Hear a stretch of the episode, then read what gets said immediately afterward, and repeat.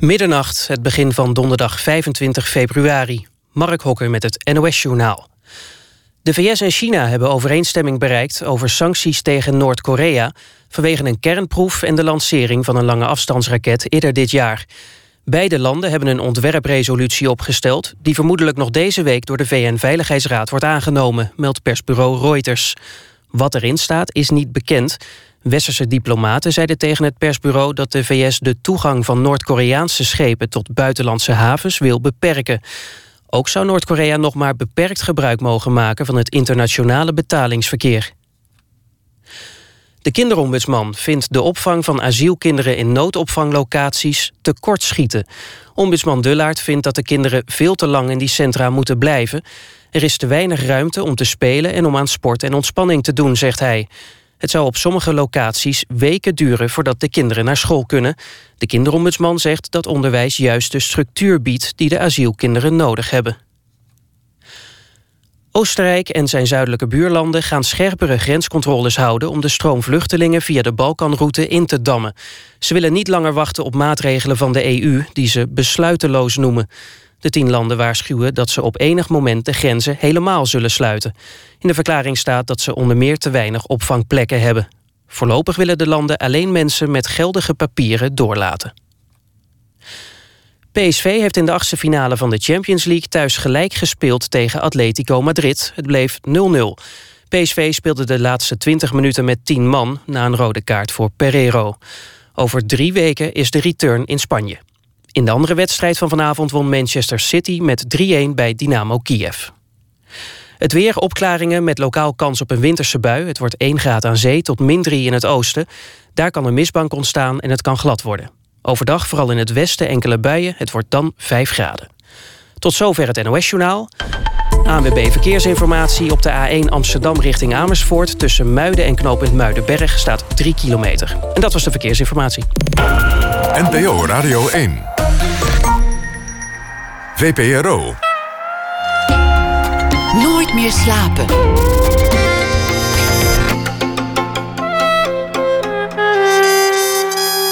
Met Pieter van der Wielen.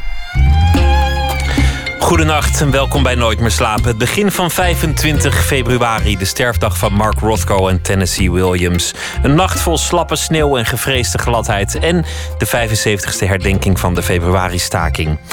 De nieuwe film van Charlie Kaufman, die bespreken we na één uur. Maaike Hartjes hoort u, want zij won de Stripschapprijs. En Marjolein Heemstra komt langs om te vertellen over het zwarte schaap van haar familie. Of misschien ook wel de held. Ze maakte een voorstelling over haar oom. En die voorstelling heet Bommenneef. We beginnen met uh, Theo Jansen. Wat is leven? Wat is evolutie? En waarom zou je doodgaan? Vragen die hem al als kind bezig hielden. En zijn missie in dit bestaan is het ontwerpen van een nieuwe diersoort of levensvorm. En hij werd wereldberoemd met zijn strandbeesten. Elke zomer laat hij ze zelfstandig rondlopen op het strand van Scheveningen. In Japan is hij inmiddels al een soort rockster en de hele wereld wil ze zien, de strandbeesten van Theo Jansen. Geboren in 1948, werd aanvankelijk natuurkundige, later kunstschilder. Ooit joeg hij Delft de stuip op het lijf met een zelfgebouwde UFO. En nu maakt hij al 25 jaar van PVC-buizen zijn spectaculaire beesten. Die leven van niets dan wind alleen. Theo Jansen, hartelijk welkom. Dankjewel, goedenavond. Voor de mensen die uh, in de buurt van een computer zijn, die kunnen via uh, de webcam misschien iets zien van, van die beesten. Want eigenlijk moet je het zien. Hoe zou je het zelf omschrijven? Een, een strandbeest, wat, wat is het? Ja, het is een, uh, een, een, poging tot het maken van nieuwe vormen van leven, waar ik al heel lang mee bezig ben. Dus ja, elke strandbeest is als het ware een probeersel om, om te kijken of ik verder kan komen in de ontwikkeling en de evolutie van het beest om zelf iets te maken, een nieuwe levensvorm.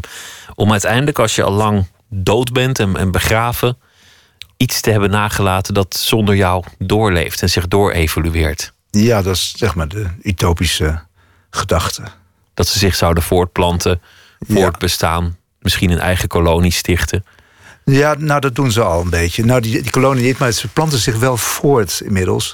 En ze gebruiken de, de mensheid daarvoor. Ik heb zeg maar de, het, het pootsysteem, dat heb ik in 1991 uitgevonden. En uh, dat is gebaseerd op een verhouding van uh, 13 getallen. dertien lengtes van stangetjes. En uh, die, dat kun je zien als de DNA-code van de strandbeesten. Die heb ik gepubliceerd op mijn website. En sindsdien uh, zijn er ja, in de wereld duizenden studenten. En die gebruiken die code om strandbeesten te maken. En de, de DNA-code is, is jouw formule eigenlijk. En, en de PVC-buizen, dat is dan het eiwit van, van, van de strandbeesten. De mensen worden opgebouwd uit eiwit en eigenlijk alle organismen. En strandbeesten uit uh, PVC-buizen. Ja, je zou kunnen zeggen dat ik, uh, net als de echte schepper, heb beperkt tot de keuze van mat materialen. Eén materiaal probeer ik alles te maken. En wat in de echte natuur natuurlijk ook plaatsvindt in de vorm van eiwit. En met eiwit kun je alles maken: ogen, huid. En uh, dat zou je niet zeggen als je een ei zeg maar, in, de, in een pannetje gooit om het te bakken. Dat het, dat modderige materiaal, dat dat nou het ultieme constructiemateriaal voor leven is. De bouwsteen van het bestaan. Ja, maar kennelijk is het zo dat als je miljoenen jaren de tijd hebt en je, uh, je doet het elke keer opnieuw, en dat doet eiwit, dat vernielt zich de hele tijd, dan, ja, dan kennelijk kom je dan ergens. En diezelfde strategie probeer ik ook te bewandelen. Weliswaar ook dat, dat ene materiaal. Ik heb geen miljoenen jaren ter beschikking, dus ik moet het allemaal heel snel doen. Ik heb dus al een ontzettende haast om dit uh, voor elkaar te krijgen. Maar ik probeer het telkens opnieuw. En ja, kennelijk dan ontwikkelt zich dat. De aanleiding dat we elkaar nu spreken is een uh, expositie van tekeningen, fossielen en een van de beesten in Galerie Heden in Den Haag. Die wordt uh, vrijdag geopend. Ik ben vanmiddag wezen kijken daar naar, naar de tekeningen, naar, naar de fossielen. In, in alles probeer je dat voor elkaar te krijgen. Het meest indrukwekkende blijft, wat mij betreft, het lopen. Ja. De, waarvan je net ook zei, dat is eigenlijk een, een, een wiskundige uit, uitvinding die ik heb gedaan. Er was van de week in het nieuws dat ze een hand hadden ontworpen voor een robot. Die het heel goed deed. Mhm. Dat was te zien op televisie en, uh, en in de journaals en zo. Ze proberen een, een robot al heel lang menselijk te laten lopen. En heel veel van die studenten gaan er vandoor met jouw formule. Met, Mhm. met iets wat ze voor jou hebben afgekeken. Want die standbeesten, die lopen echt. Mhm. Hoe werkt dat? Ja, ik heb uh, in 1991 een computerprogramma geschreven. Een, dat gebaseerd is op evolutie. Waarbij uh, zeg maar, werden 1500 poten geboren in de computer. En die hadden allemaal willekeurige lengtes. Dus die, die bewogen op willekeurige manieren. En uh, daar werd een selectie in gemaakt van die poten... die enigszins een lopende beweging maakte. En die selectie mocht blijven leven. En de anderen die stierven allemaal. En dan gingen die, die selectie zich voortplanten. En dat uh, is maandenlang zo doorgegaan. Ik had het uh, geschreven in een Atari-computer. En uh, maanden, dag en nacht is het doorgegaan. Uiteindelijk kwamen daar de dertien getallen uit die een goede loopbeweging uh, genereerden. En het had uh, hoofdzakelijk te maken met mechanica. Zeg maar, de rechtlijnigheid van bewegen had, was de, de, de criterium van overleven. Maar ook dat een poot bijvoorbeeld niet al te lange tijd in de lucht moet hangen. Want dan heeft hij geen, uh, geen functie. Dus hij moet weer snel naar de grond toe. Dat zie je ook gebeuren bij die strandbeesten. Voor het evenwicht en om, om de boel staande te houden. Ja, een, een steun te geven. En dat zie je dus in de beesten. Ze, ze blijven, die poten blijven lang op de grond en heel snel door de lucht heen. En ik denk dat echte beesten dat ook doen. Dus eigenlijk om mechanische redenen lijkt het een beetje op uh, echte pootbewegingen van echte beesten. Ik geloof dat mensen nog iets meer het, het lijf optillen, de, de, de heupen. Ja, dat, dat is het andere aspect. En dat zie je niet zo vaak in de natuur. Dat uh, de beesten blijven op dezelfde hoogte terwijl ze lopen. Normaal, wij hobbelen allemaal op en neer. De meeste beesten hobbelen op en neer als ze, als ze rennen. En, maar de strandbeesten die blijven op dezelfde hoogte... terwijl de poten toch bewegen. Ze leven van niets dan wind. Wij moeten die eiwitten vervangen, onderhouden. Dan moeten we eten, drinken en ademhalen. De, deze beesten hebben alleen maar de wind nodig. Ja. De zee, want je, je werkt meestal op het strand... dat is de vijand. Hij moet weten wanneer hij naar het water gaat. Want het, het, het water wordt hem fataal. Ze kunnen niet zwemmen. Nee. Hoe doe je dat? Ja, er zit een, uh, een water. Ze hebben een soort van zintuigen, dus er zit een watervoeler op. Dat is een slangetje wat uh, ongeveer een 10 centimeter boven de grond zweeft. En dat zuigt lucht aan. En op het moment dat hij in de zee terechtkomt, dan uh, verslikt hij zich in het water en dan voelt hij de weerstand van het water. En dan uh, schakelt er iets om, waardoor hij de zee uitloopt. Dat is eigenlijk waarneming. Ja, nou, waarneming en reactie. Dus het, wat, wat ons lichaam eigenlijk in een hele ingewikkelde manier doet. Dat doet zij, doen de strandbeesten heel simpel. Dus ook een hele primitieve vorm van leven zou je kunnen zeggen. Wat leven heb je een paar definities. Uh, uh, waarneming, zelfstandig bewegen. Nou ja, en dan uiteindelijk kom je natuurlijk uit op voortplanting. Dat, ja. dat vinden we heel belangrijk. Ja. Dat, dat doen ze nog niet echt. Nou ja, ik vind van wel. Want uh, kijk, ik had het net over die studenten die allemaal strandbeestjes maken. En uh, dat uh, doen ze ontzettend enthousiast. En die studenten hebben allemaal het idee dat ze een, een leuke hobby hebben. En, maar het feit is eigenlijk dat ze gebruikt worden voor de voortplanting. Ze worden als het ware geïnfecteerd met die DNA-code. En daarna gaan ze die beesten maken. Dus ze zijn als het ware een pion in de strategie van de strandbeesten. En die, je ziet dus in de hele wereld strandbeestjes ontstaan. En Als een parasiet. Een ja. parasiet plant zich ook voort via de mensen of een virus. Ja. En kijk, gezien vanuit die strandbeesten zijn wij alleen maar een hoopje eiwit. wat nuttig uh, kan zijn.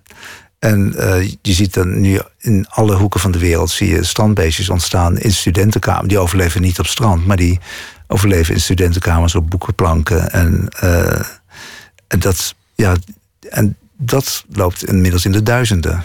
Je hebt ook fossielen ervan gemaakt. Uh, gewoon zoals een fossiel eruit zou zien. Heel veel tekeningen, die ook niet altijd daadwerkelijk een, een beest zijn geworden. Die zijn ook te zien in de, in de galerie.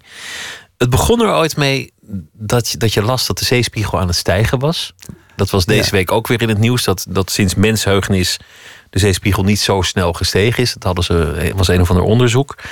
Die gedachte bracht jou op, op deze beesten. Hoe, ging dat? Ja, nou, ik was toen uh, columnist van de Volkskrant. Dat ben ik 22 jaar geweest.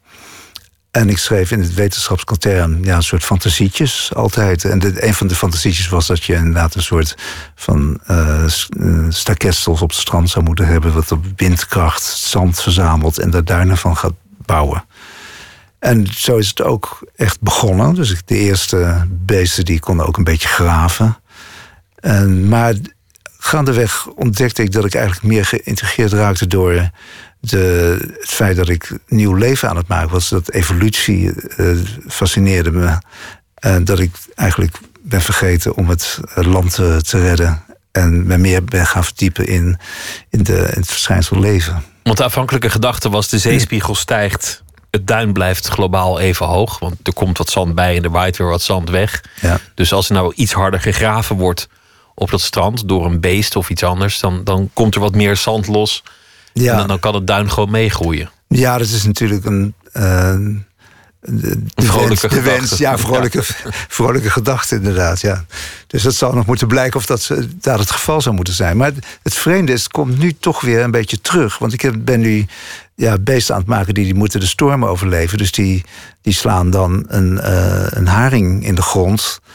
En als, als ze niks zouden doen, dan zouden die voetjes langzamerhand bedekt worden met zand. Want het zand dat wordt maar aangevoerd. En doordat het, het lichaam van het beest vertraagt de wind. En dan valt het zand, zeg maar, onder hem neer.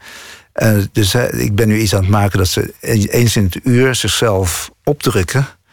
En uh, pootjes als het ware afschudden. En dat ze dan gaan ze op het bergje staan wat daaronder is ontstaan.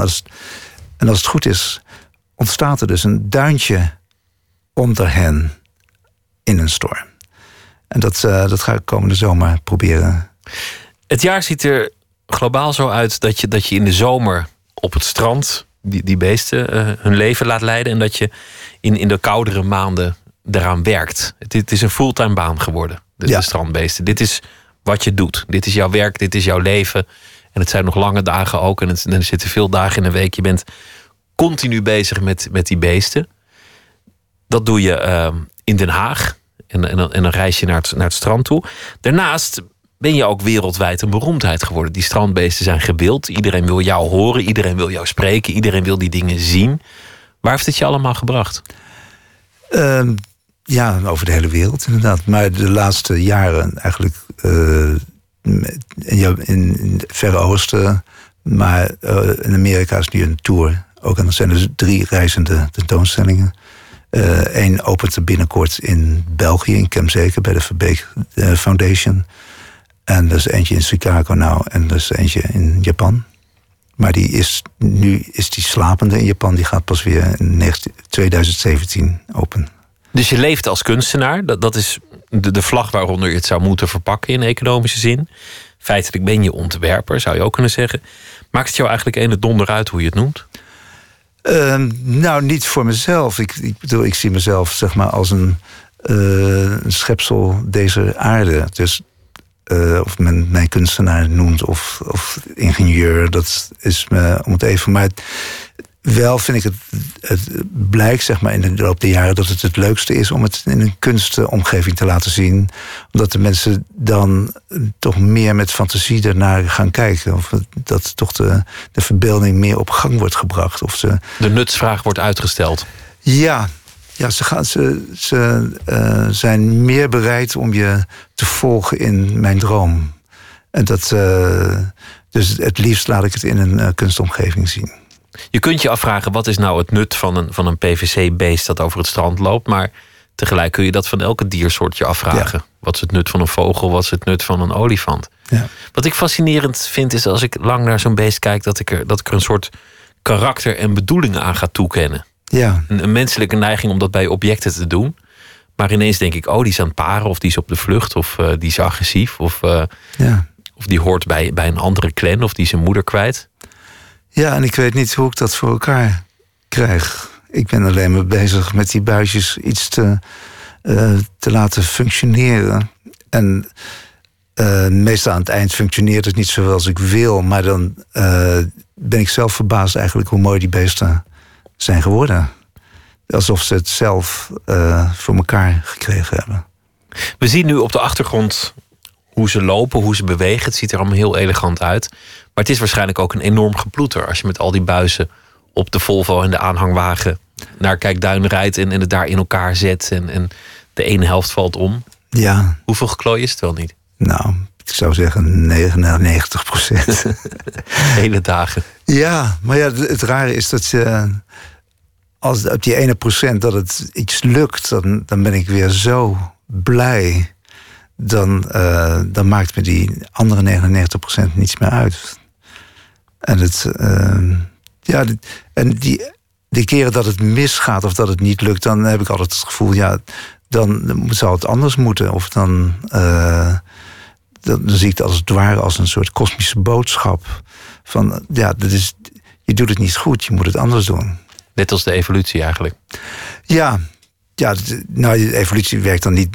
Ja, die mutaties als het ware, dat zijn mijn nou, ideeën. Ook, af en toe ook wel dwaalwegen van, van een diersoort die het niet lang uithoudt. Alleen maar, ja. Het, uh, het meeste is natuurlijk nog meer dan 99% in de evolutie is dwaalweg.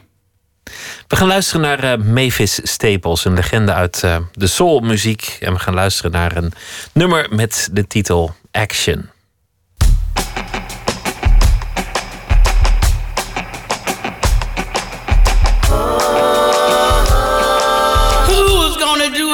I don't?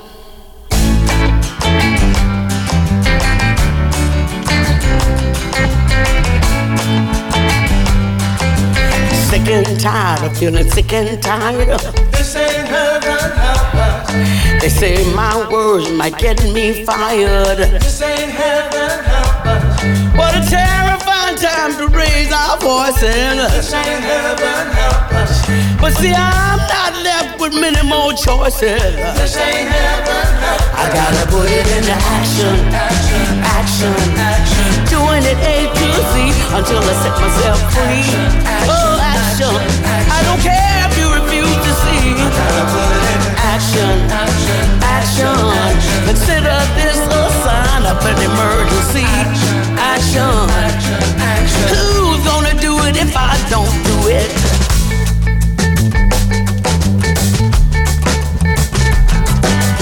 So my brains are filled with fear. This ain't heaven. So I feel the heat as night comes near. This ain't heaven. Oh, they C T I O N. Please don't stop really my friend. I gotta put it into action, action, action.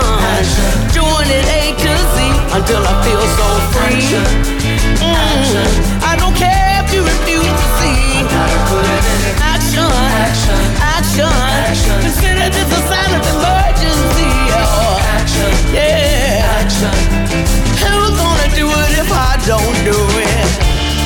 I'm tired of being scared.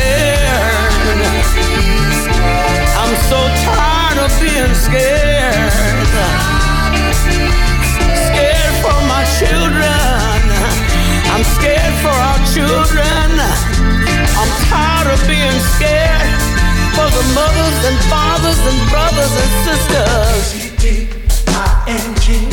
Gotta share the truth that's inside of me. This is. Of the highest and the fullest and the final degree. I'm still trying to be free. Don't let this separate you and me. Oh, please. Who's gonna do it if I don't do it? Action, Action, action, action, Doing it A to Z until I feel so free. Action, action. I don't care if you refuse to see. Action, consider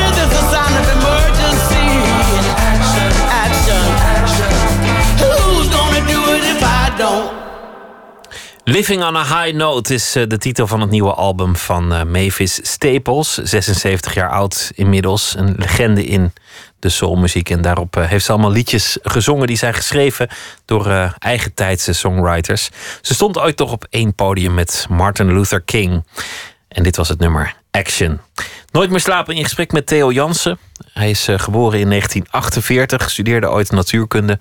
Ging toen voor eh, een carrière in de kunst. En is inmiddels al 25 jaar bezig met de strandbeesten. Dat is iets heel anders, lijkt het op het eerste gezicht, natuurkunde. Om, om dat te gaan studeren. Maar, maar voor jou hebben wetenschap en, en kunst altijd heel dicht bij elkaar gelegen. Waarom ben je niet meteen kunstenaar geworden? Was dat gewoon niet, niet op je pad gekomen? Of had je daar niet over nagedacht? Nee, ik moest er naartoe groeien. Dat, eh, ik kwam uit een gezin waarbij er geen kunstenaars eh, kwamen. We gingen allemaal eh, ja, iets in de techniek doen of zoiets. En Iets dat, praktisch, iets concreets. praktisch, ja.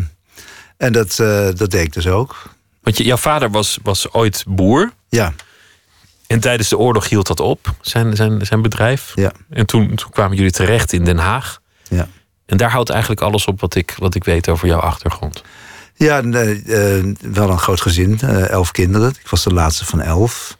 En eh, ja, na de oorlog kwa- kwamen er veel huizen vrij in Scheveningen. Omdat het Scheveningen was geëvacueerd. Dus voor grote gezinnen kwam er een plek bij.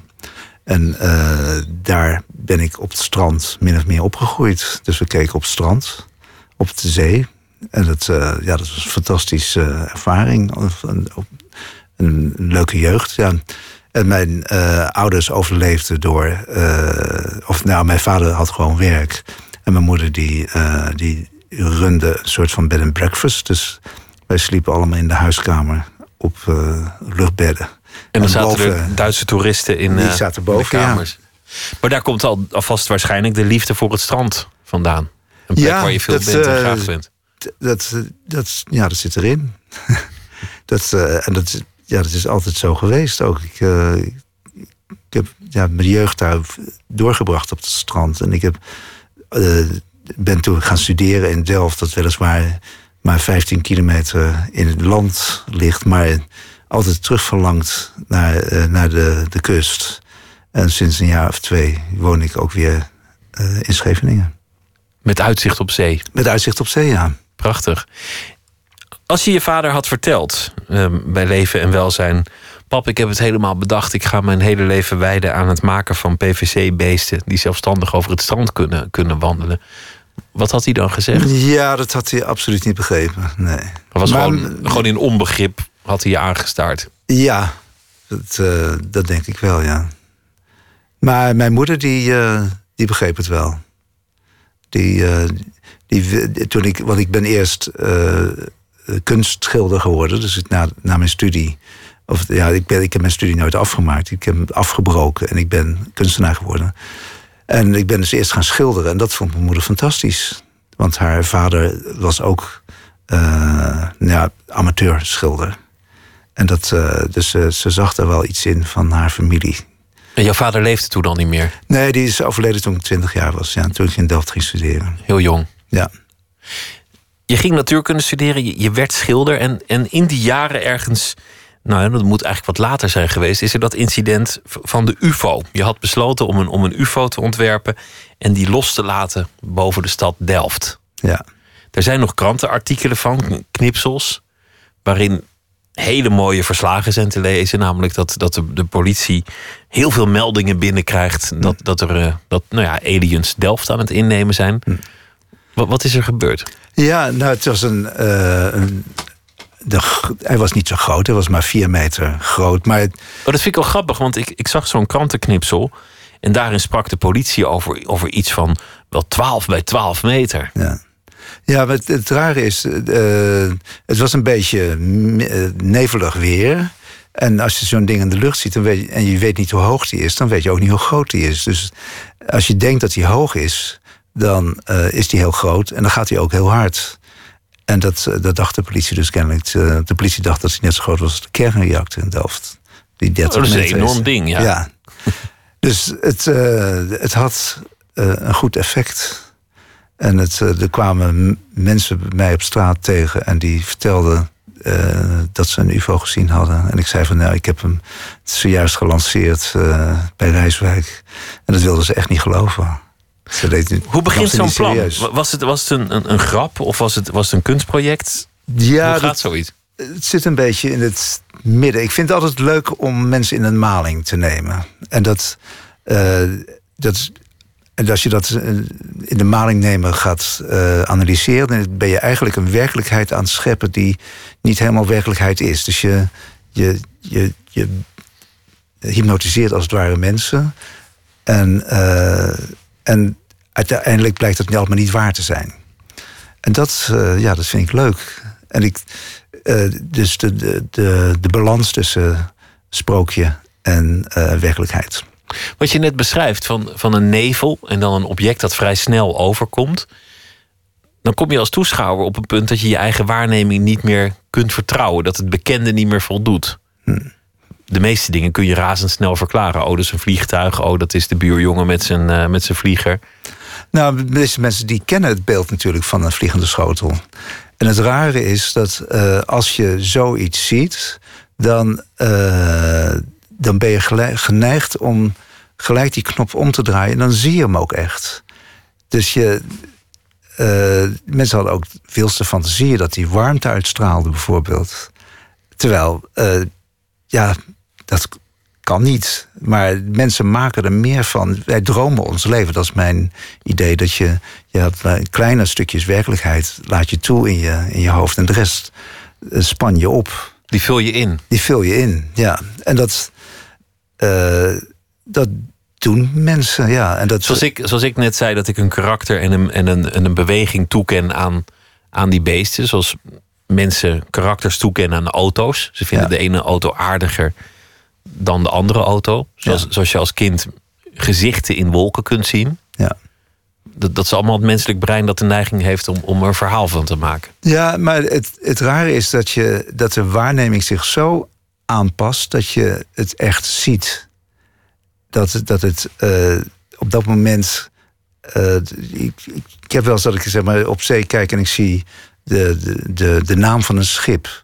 En ik kan het niet, uh, niet helemaal lezen. Dan pak ik een verrekijker, dan kan het wel lezen. En dan doe ik die verrekijker weg en dan, dan zie ik het gewoon. En dat is de, de voorkennis, als het ware, die je hebt. Dus de waarneming leidt tot, tot het verhaal... en het verhaal leidt ook weer tot de waarneming. Ja, ja. Dus de werkelijkheid is niet helemaal te achterhalen. Ja, nou zeker in het geval van die, die UFO niet. En, het, en dat, ik moet altijd denken aan het verhaal van uh, Herman Koch. die zit televisie te kijken en die kijkt naar een programma dat heet... Uh, of er was een, een Olympische sport en dat heet biathlon. Ken je dat? Nee. Dat is een sport, dan ga je skiën en dan moet je uh, iets oh, gaan dan, schieten. En dan moet je schieten, ja, dat heb ik ja. wel eens gezien. Prachtige sport. En en hij, zijn vrouw is in de keuken, die is het eten klaarmaken. En die zegt, uh, Herman, wat ben je aan het kijken? Ze zegt, ja, ik kijk naar die sport. En ze zegt, ja, je zit me weer wat op de mouw te schelden. Dat, dat, kan gewoon niet. Dat, doen mensen niet. Maar ze blijft in die keuken en zegt, ja, nee, het is echt waar. Uh, en uiteindelijk, uh, ja, het is echt waar. Dus op een gegeven moment zet hij de televisie uit, gaat naar de keuken. Zegt, ja, natuurlijk was ik hier in de maling. Maar hoe kan je nou geloven dat mensen gaan skiën en dan gaan schieten? En dat, oh, nou ja, blijkt, uiteindelijk is het dan dus niet waar. En dan hebben ze gegeten, dan zet je de televisie aan. En dan is in één keer biathlon nog op de televisie.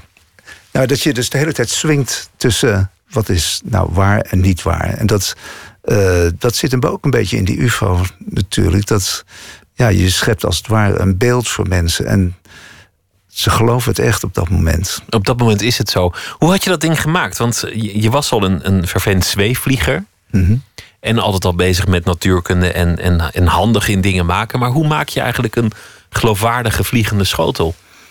Ja, in de rand zat een eh, PVC-buis natuurlijk. Ja. Een soort van hoepel. Dus dat is gewoon het materiaal bij voorkeur? Uh, nou, dat, dat was natuurlijk al in mijn leven sinds ik uh, pijltjes blies. Wat die alle Nederlandse jongens doen. En, uh, en er zat landbouwfolie van de zwarte folie aan de bovenkant en de onderkant. En dan blies ik er helium tussen. En dat gaat dan zweven. En dan moest er nog iets van dat het in evenwicht blijft. En er kwam geluid en licht uit. En dat ging gewoon met de wind mee. En doordat het zwart was en dat er bij dat nevelige weer veel tegenlicht van boven komt, zie je geen diepte erin. Je ziet alleen maar een schijf langs de hemel gaan. En uh, ja, dat had het, dat effect. En hoe kwamen de, de, de, beesten in je leven? Wanneer ging je voor het eerst een strandbeest maken? En, waar kwam dat idee vandaan? Nou, dat, dat, was na een half jaar na het verschijnen van uh, die column in het Volkskrant, waarbij ik de, de kust wilde redden. Uh, toen kwam ik langs de gamma en toen heb ik een paar van die buisjes gekocht. En toen ben ik een middag daarmee aan het spelen gegaan. En aan het eind van die middag had ik er zoveel in gezien dat ik uh, besloot om één jaar aan de buisjes te geven. Dat is een radicale beslissing. Ik ga een jaar werken aan een fantasie, aan een, aan een, aan een gedachte. Ja, ik was natuurlijk al. Ik had, was al meer bezig met machines en ik was natuurlijk al schilder. Dus het, de, de, beslissing om een jaar aan iets te geven, dat ligt dan toch wel een beetje voor de hand, denk ik. Is er een moment van bevrijding geweest? Omdat je zegt, in, in het gezin waar ik opgroeide, was kunst eigenlijk niet iets dat je hoorde te doen. Mm -hmm. Dat je toch nog eerst natuurkunde ging doen en dan eerst schilderen, wat, wat een vrij tastbare vorm van kunst maken is. Dat begrijpen mensen, die, die, kennen schilders. Tot uiteindelijk deze veel abstractere machines. Nou, ik denk dat het een grote stap was van, uh, van natuurkunde naar schilderen al. Toen vond ik dat al een hele bevrijding. Dat ik uh, niet meer aan economie hoefde te denken of aan. Uh... Was dat gebonden aan een moment? Was, was er iets dat jou die beslissing deed nemen? Ja, ik, het, het, was het einde van mijn eerste huwelijk. En ik, uh, ik had natuurkunde gestudeerd, omdat ik het een leuk vak vond in eerste instantie. Maar ook om aan de, de eisen te voldoen van een goed huwelijk. En het, een beeld van hoe het hoorde. Hoe het beeld van hoe het hoorde, ja.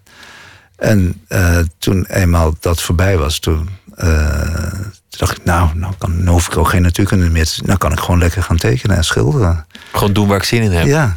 Is dat wat je het allerliefste zou doen in het leven? Gewoon, gewoon knutselen aan, aan die beesten, tekenen aan die beesten, gewoon aan het werk zijn? Ja, dat is het eigenlijk. Dat is het leukste wat er is. Leuker dan al het andere dat iemand op je pad zou kunnen sturen. Wat, wat je zou kunnen afleiden. Ja, er zijn zoveel dingen in, in het bestaan die, die mensen kunnen doen. Ja, nee, maar dat vind ik het leukste, ja. Lukt dat nu ook nog, nu het zo succesvol is? Want, want er komt natuurlijk enorm veel geregeld bij een tentoonstelling. Mensen willen je daar hebben voor een praatje in, in Japan of dan in Amerika. Mensen willen, willen interviews. Mensen willen even kijken of het, uh, of het goed gaat met, uh, nou ja, met, met, met, met het geld en, en dat soort dingen. Lukt het nog steeds om je, om je daar helemaal voor vrij te maken? Uh, nou, niet helemaal natuurlijk. Maar, en ik moet er ook echt aan denken dat ik me niet laat meeslepen helemaal. Dus dat je het, blijft doen wat je het liefste doet? Ja. Dus ik moet af en toe, ja, eh, gelukkig met e-mail ga, kan ik aardig dingen afwijzen. Aan, de tele- aan de telefoon is het moeilijker. Dan zeg je eerder ja. Ja. Dan zeg je, oh ja, nou oké. ja. waarom, waarom is het gewoon om, om, om geen nee te hoeven zeggen?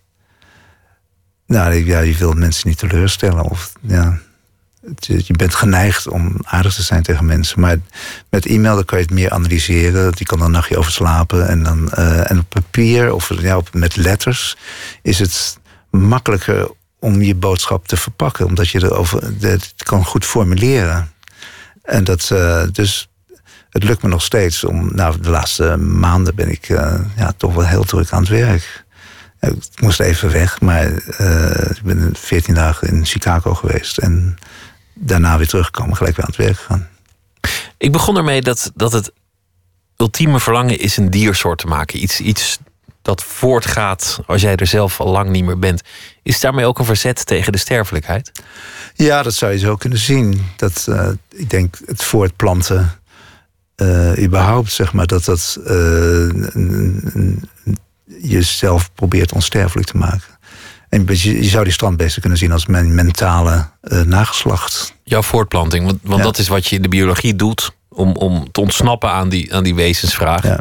Je zet gewoon een nieuwe generatie neer en laat die het maar oplossen. Ja, En die doen hetzelfde. En zo ben je dan toch nog in contact met, nou ja, eeuwigheid is misschien wat veel gevraagd, maar in ieder geval iets dat groter is dan je eigen duur. ja. Ja, nou, die, ik weet niet of die strandbeesten het eeuwig uithouden, maar eh, als die eh, studenten, zeg maar, geïnfecteerd blijven met die ziekte waar ik zelf mee geïnfecteerd ben, dan, en ze doen dat nog nadat ik eh, het loodje gelegd heb, dan, ja, dan kan ik tevreden eh, in mijn graf gaan, gaan liggen. Je hebt de rechten trouwens niet vastgelegd. Dat had je kunnen doen. Je had patent kunnen aanvragen. Je had geld kunnen verdienen op die formule, op die manier van lopen van die buizen, op, de, op, op het mechaniek. Dan had je misschien nog wat kunnen verdienen in de robotica. Maar dan zit je ook je eigen streven in de weg, namelijk het moet voortleven, het moet doorgaan. Ja, nou, het- is natuurlijk ook nog de vraag of je. eh, de meeste uitvinders die worden niet rijk van hun eh, patenten. Het kost meestal meer geld dan. En gedoe. En gedoe. Dus, en je moet het geheim houden. En dat eh, wilde ik absoluut niet. Ik wilde het aan de, de wereld laten zien, wat ik bedacht had. En dat, eh, ja, de, met de komst van het internet in de jaren negentig is dat dus goed gelukt. Op YouTube eh, heeft, hebben de beesten zich heel goed eh, voortgeplant, de beweging. Dus, en het, achteraf blijkt het eigenlijk de beste bescherming te zijn die je kunt bedenken. Want nu is het zo bekend geworden dat niemand meer kan zeggen van dat heb ik uitgevonden. Iedereen weet van wie het komt en iedereen heeft het gezien en, en weet wie je bent. Die sterfelijkheid. Laatst had ik een, eh, een gesprek met schrijver Thomas van Aalten. Die vertelde wanneer hij zijn kinderen had moeten vertellen dat er zoiets bestond als de dood. Het was de dood van een hamster. Ze gingen de hamster begraven. En toen moest hij meteen aan die kinderen die heel jong waren zeggen: Kijk, dat is nou dood. Dat gaat jou ook later gebeuren. En dat gaat mij later ook gebeuren. Is er bij jou een moment geweest dat je je realiseerde dat je sterfelijk was? Ja, net ook zo'n moment inderdaad dat mijn ouders mij vertelden dat ik eh, zou gaan sterven. Eerst zeiden ze dat de andere mensen gingen sterven, zij gingen sterven. En dat ik ook ging sterven. En dat vond ik een enorme teleurstelling. Ik dacht echt, Waarom nou? ja, ik dacht dat echt dat het gewoon door zou gaan altijd. En dat, eh, ja, dat was een enorme tegenvaller. Ik, je- kan het moment nog zo voor de geest halen. Ja, hoe, Ja. zag het eruit? Waar, waar, Nou, waar- ik, waar was- ik stond naast mijn vader, rechts van mijn vader, bij het raam. En ik keek naar buiten door het raam naar de blauwe lucht. En ik dacht van, shit, we gaan allemaal eraan. En dan, dan wordt het ineens eigenlijk ook, ook een beetje een soort tijdelijke en, en futiele operatie, dat leven. Ja. Dat je er heel even bent en er weer vandoor gaat. En, Ja, en de volgende generatie moet het weer allemaal opnieuw bedenken. ja. Ja dat, dat realiseer je dan eh, elke dag. Het- nou, mensen die terminaal eh, ziek zijn, die, eh, die realiseren zich ook in één keer van... Oh, nu is het leven echt heel erg kort. En nu moet ik het echt gaan leven. En dat probeer ik... Ja, iedereen probeert natuurlijk om dat ook te doen. Ben je de evolutie gaan begrijpen? Want, je, noemt steeds de evolutie. En dan hebben we eigenlijk al een paar aspecten daarvan genoemd. Van, van eh, de, de, de dwaalsporen, de willekeur van, van de evolutie. Darwin heeft een prachtig mechanisme neergelegd als nalatenschap. Waar, waar heel veel in zit, maar dat toch nog niet alles op de een of andere manier volledig kan verklaren. Er blijven heel veel vragen open met de evolutie. Van, want hoe weet een, een soort dat hij op de goede weg is? Of, of hoe kan het eigenlijk dat er een mutatie zit en dat, dat, dat een, een, vis uiteindelijk een landdier wordt? Want er zit toch een soort halffabrikaat tussen. En wat is daar nou weer het voordeel van? Nou ja, het, er, zitten heel veel vragen achter. Nou, die vragen, dat, dat valt wel mee. Dat, ik denk dat die zijn uiteindelijk eh, vaak op te lossen. Zo van hoe, eh, hoe, hoe dingen gegaan zijn. Of een, eh, een, hoe de, mechanica van, van de evolutie werkt. Dat, dat, Daar eh, kom je wel uit. Daar kom je wel uit, denk ik. Nee, maar de grote vraag is natuurlijk altijd van... waarom ben jij in jouw lichaam terechtgekomen en ik in en niet mijn lichaam? jouwe. Ja. Ja. En, eh, en het feit zeg maar, dat ik een bewustzijn heb... en ik neem aan dat iedereen dat zo heeft in de wereld... maar het, het, eh, het feit dat, dat ik er ben... dat is natuurlijk een, eh, een vraag die eh, niemand tot nu toe eh, beantwoord heeft. En, dat, en ik probeer daarachter te komen nog voor dat ik jullie ga verlaten. Maar het is eh, de grote hamvraag. Het bewustzijn. Het bewustzijn. Nou, het, vooral ons eigen. Ja, het, het feit dat wij er zijn, dat is natuurlijk een enorm wonder nog steeds. En dat. eh, ja, daar ver- verbaas ik mij nog dagelijks over. Dat, Maar, maar dat bewustzijn, dan kan je zeggen, ja, dat is een, een, bijproduct van, van, de, van de biologie, van, van, van je hersenen. Ja, kijk, je, je kan ook een, een, een- robotje van elektronica maken met, met oogjes en een soort van bewustzijn of, of een vermeend bewustzijn. Maar dat heeft natuurlijk niet het bewustzijn wat, wat ik heb. Tenminste, dat denk ik niet. Dat eh, wat, het bewustzijn wat ik heb, dat, het feit dat ik er ben, dat, dat is iets, iets magisch. En dat. eh, en daar geeft de evolutietheorie totaal geen uitsluitsel over. Over hoe dat kan. Dat, dat Hoe je dat bewust kan. bent Ja. dat je bestaat, dat je jezelf kunt kennen. Ja, want wij kunnen ook. Kijk, van, van, van, uit, uit mijn perspectief kunnen jullie ook allemaal robotjes zijn. die gewoon, net zoals dat elektronische robotje, werken. En misschien is het ook wel zo. Ik Misschien, bedoel, eh, misschien zit je wel een film te kijken die zo goed is dat, dat de hele wereld een verzinsel is. ja, dat kan ook nog natuurlijk. Dat het allemaal in je, in je, in je hoofd eh, wordt, Ja, het aantal mogelijkheden zijn natuurlijk eh, groot. Ik bedoel, het, is misschien een grote droom, maar in ieder geval. het- laten we er even vanuit gaan dat jij hetzelfde bewustzijn hebt als ik. Dat, dat neem ik eventjes aan.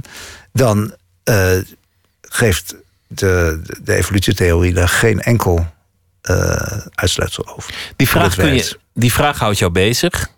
En dan, dan komt nog de volgende stap... dat je dat dan uiteindelijk aan die beesten zou willen toevoegen. Zelfkennis en bewustzijn. Nou, ik, nee, ik heb niet de illusie dat ik dat die beesten kan bijbrengen.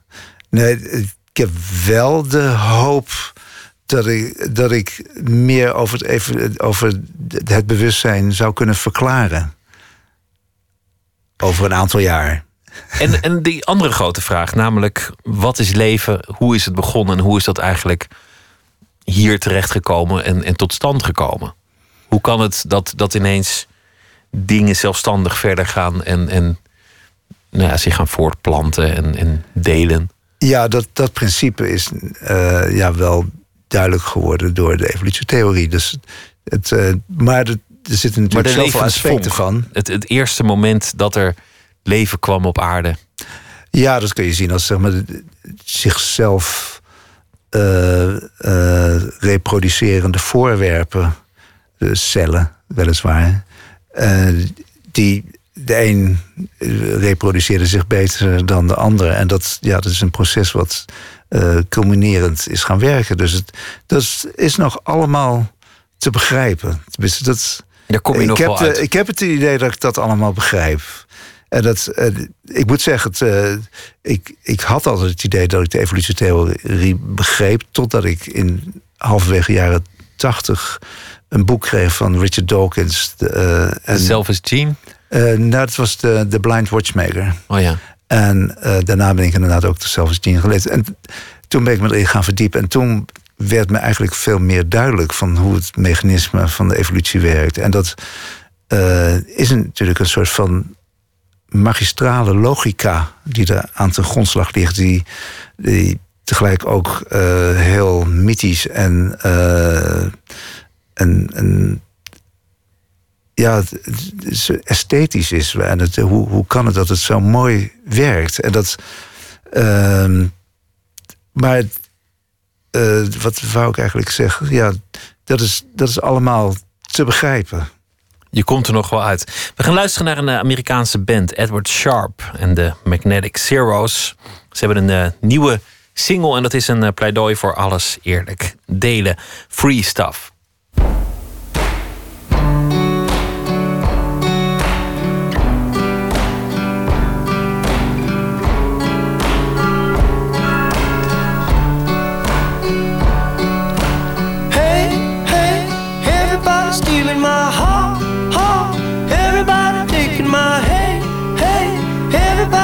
Stealing my home, home, home. Everybody taking my hey, hey. Everybody stealing my yeah, yeah. Everybody taking my home. Shut the front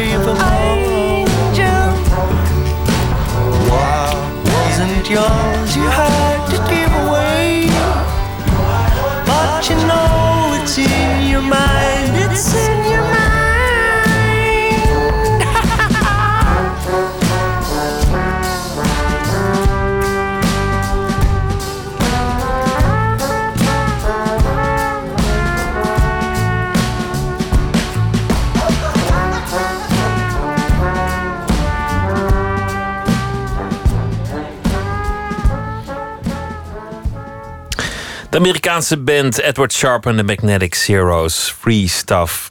Nooit meer slapen in gesprek met Theo Jansen. We begonnen over de, de strandbeesten. Toen hadden we het over wat is eigenlijk een strandbeest. Toen zei je nou dat is een, een zelfstandige levensvorm. Dat is uiteindelijk het doel gemaakt van PVC-buisten. En uh, wie in de buurt is van de computer... die kan ze op de achtergrond zien in een, in een loop hoe ze bewegen... en hoe, hoe mooi ze zijn. Er zit een enorme schoonheid in. Je vertelde dat je uit een gezin kwam waar, waar het niet echt de bedoeling was dat je kunstenaar werd. En je, je vader was zelf uh, boer geweest. En, en je moest iets praktisch gaan doen. Dat werd natuurkunde. Later bevrijdde je jezelf en je zei: ja, het, het liefst doe ik dit. En dat is gewoon het knutselen, het, het, maken van die dingen, maar ook het grote project: een nieuwe diersoort maken, iets, iets op de wereld zetten. En de fascinatie voor die wonderlijke evolutie, de schoonheid van het leven, het bewustzijn. Ook, ook iets dat je wil ontrafelen, waar je, waar je achter wil komen. En het verzet tegen de sterfelijkheid. Want je weet nog het moment dat je moeder vertelde dat je uiteindelijk dood moest. En het onrecht dat je toen hebt ervaren van waarom eigenlijk. Wat, wat jammer, ik wil dat het eeuwig doorgaat. Is het ook, ook deel van, van eeuwig kind blijven?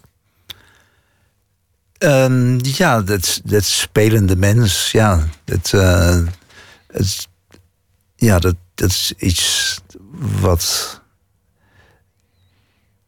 ja, erg prettig is om je als kind te voelen. Nou, dat, mijn, mijn uh, teruggang naar Scheveningen, zeg maar, het herbeleven van mijn jeugd, dat, uh, dat ervaar ik, zeg maar, het kind zijn ook weer als het ware opnieuw. Want als kind kijk je nieuw naar de wereld, alsof het allemaal, uh, alsof je het allemaal voor de, voor de eerste keer ziet. En dan is het ja, weer heel fris. Veel dingen zie je ook voor de eerste keer. Ja, nou, kijk, in de loop van je leven uh, komt er een heleboel voorbij. En een heleboel komt heel vaak voorbij. En op een gegeven moment raak je eraan gewend. En dan uh, is het niet nieuw meer. En dan wordt het uh, ja, misschien wel vervelend, het leven. Maar het, als je een helikopter ziet vliegen, zeg maar, vanuit het perspectief van een kind, weer als je dat weer opnieuw kan zien vanuit het perspectief van een kind, dan is het weer helemaal nieuw. Dat is zo'n ding, zo'n beest zo overvliegt, ja. Is, het, is dat een kwestie van kind gebleven zijn of uiteindelijk heb je jezelf hebben toegestaan om weer een beetje kind te worden, om dat te hervinden? Ja, ik denk dat het, uh, dat het, het laatste is. Dat ik, op een gegeven moment, ja, kijk, je krijgt zelf kinderen, dus je, je kunt je niet permitteren om de hele tijd te blijven spelen. Dus Verantwoordelijkheden dringen zich op. Verantwoordelijkheden dringen zich op. Ook de, ja, de wereld verwacht iets van je. En, uh, en jij kunt moeilijk nee zeggen, zei je ook nog. Ja, dus... dus ja, dan ben je ook gauw volwassen. Dus, maar nee, ik, ben, uh, ik probeer het weer terug te vinden, ja. Terug te toveren, dat, dat moment. Nou ja, die frisheid van kijken, die verwondering ja. van een kind... maar ook de, de vrijheid van het de hele dag volledig bezig zijn met ja. iets zonder je meteen af te vragen wat, wat betaalt het, wat is het nut ervan? Ja. Komt het wel op tijd af? Nou ja, allemaal, allemaal dat soort vragen. Ja, nou dat, dat, dat heb ik gelukkig de laatste jaren redelijk van me af weten te houden. Dus dat je niet meer. Ik, ik heb nooit meer de laatste jaren nooit meer wat beloofd dat ik nog niet heb. Dus het. Uh, want ja, mensen gaan aandringen van ja, we willen toch uh, nieuwe beesten hebben op die tentoonstellingen. En dan zeg ik, nou, ik, ik, sorry, ik heb niks. Ik ben nog bezig. Ik ben dus, nog bezig, ja. En dat, uh, dat begrijpen ze gelukkig. Dus uh, maar je bent geneigd om te voldoen aan die verwachting. En dan denk je, oh, dan bouw ik nog maar even snel wat voor ze. En dan, uh, dan zijn ze weer tevreden. Maar dat doe ik niet meer.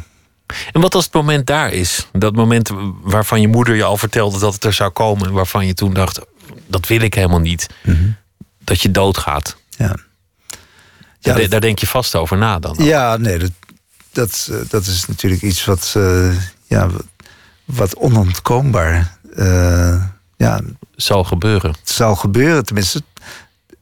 Misschien is het niet zo. Misschien uh, gebeurt het alleen maar andere mensen en mij niet. Dat is ook heb, nog iets van een gedachte. Ik hoop het voor je, maar ik weet het niet. Ik, ja, ja, ik probeer zeg maar, de tijd die er nog is, vooral dat ik die haast heb om dat allemaal nog uh, voor elkaar te krijgen. Uh, dat ik. Dat project moet echt af. Dat, dat is voor jou echt een, een reëel project dat ja, ik moet voltooid echt moet zijn of in gang gezet. Ik, ik heb nog zoveel te doen dat ik uh, ja, een enorme haast heb. Ja. Je had het over de schoonheid van, van de evolutie. Aan de ene kant de willekeur, maar tegelijk zei je, er zit een enorme schoonheid in. En je haalde die boektitel aan, de, de blinde horlogemaker. Hm. Is, is er een, een gedachte aan een, aan een schepper? Want, want dat doe je nu eigenlijk zelf. Een diersoort willen ontwerpen. Nou ja, dat, dat is toch een uh, misverstand.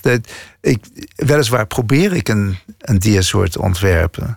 Maar uh, dus ik heb fantastische ideeën. Dus morgens als ik wakker word en dan ga ik naar mijn werkplaats... en dan uh, probeer ik mijn wil op te leggen aan die buisjes. Maar die buisjes die doen nooit wat ik zeg. Dus ze zijn ongehoorzaam. Ongehoorzaam en ze protesteren. Ze vallen ze, om, ze, ze vallen van je Volvo. Ze, ze, ze, blijven plakken aan elkaar. Ze buigen om. Ze, nou ja, noem maar op. Ja, ze, ze, uh, dus aan het eind van de dag ben ik teleurgesteld, weliswaar.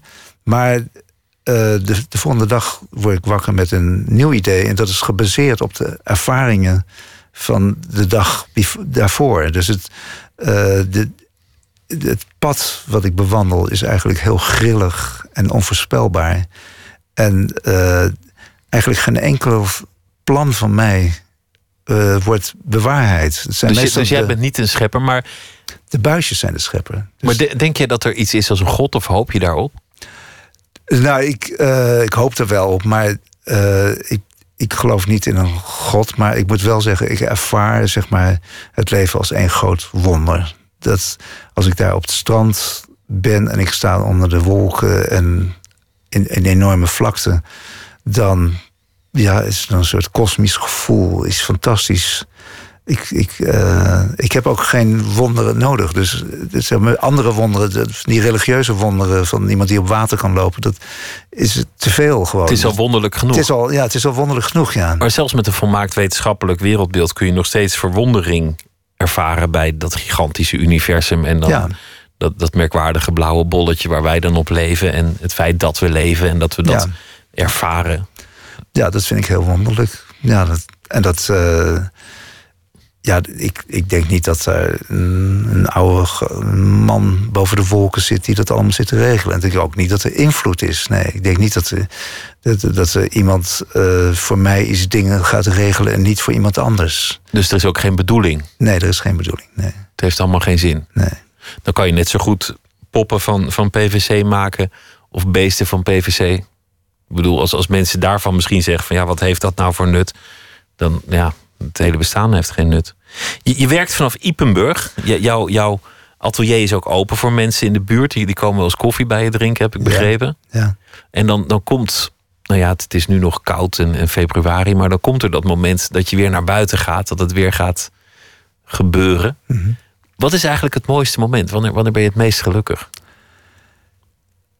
Als ik een, een nieuw eh, idee heb, dat, Als, je, als je begint. als ik begin, ja. Dus, en natuurlijk het moment dat het echt werkt. Dat ze lopen, dat ze, Ja.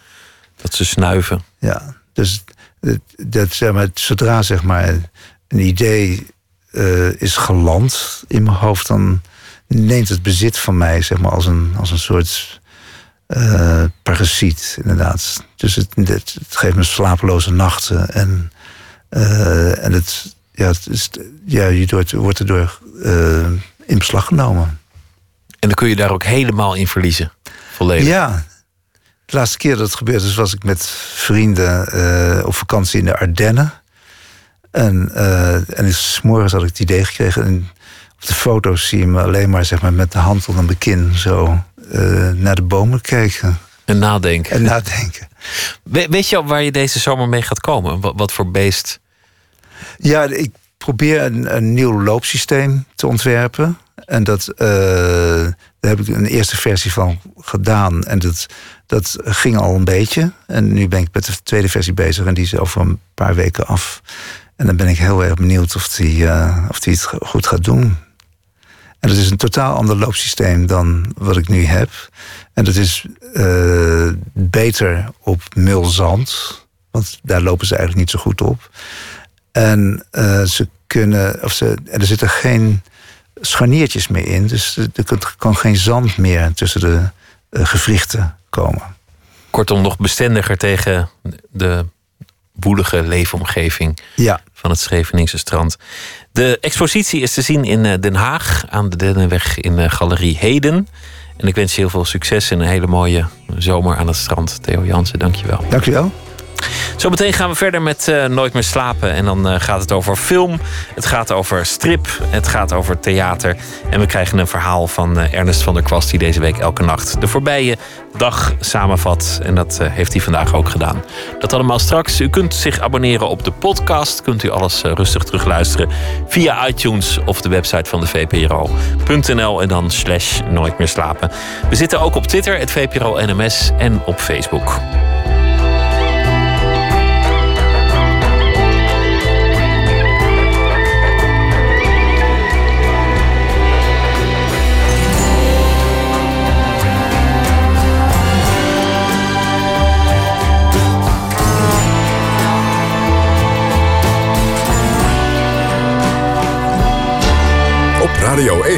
Het nieuws van alle kanten.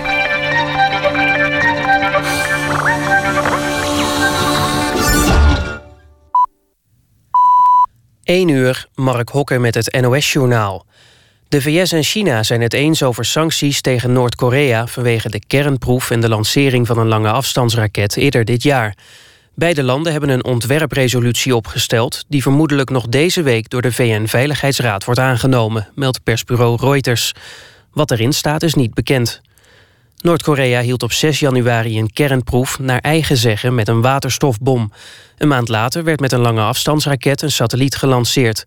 De VS denkt dat Noord-Korea zo wilde testen of het Amerika met een raket kan bereiken. De kinderombudsman vindt de opvang van asielkinderen in noodopvanglocaties tekortschieten. Ombudsman Dullaert vindt dat de kinderen veel te lang in die centra moeten blijven. Er is te weinig ruimte om te spelen en om aan sport en ontspanning te doen, zegt hij. Het zou op sommige locaties weken duren voordat de kinderen naar school kunnen. De kinderombudsman zegt dat onderwijs juist de structuur biedt die de asielkinderen nodig hebben. Aan de grens tussen Frankrijk en België zijn bij extra controles de afgelopen dag meer dan 90 mensen opgepakt. Het waren vooral migranten afkomstig uit het vluchtelingenkamp in Calais. De Franse regering wil dat kamp ontruimen en veel bewoners vertrekken daarom alvast. België wil voorkomen dat die mensen aan de Belgische kust neerstrijken. De A76 bij Heerlen blijft mogelijk tot de ochtendspits dicht. Gisteren gebeurde op de snelweg een ongeluk met een tankwagen. De bestuurder kwam daarbij om het leven. Omdat er een brandbare stof in de tankwagen zit... blijft de snelweg voorlopig dicht. Een chemisch bedrijf uit het Roergebied pompt de vrachtwagen op de A76 leeg.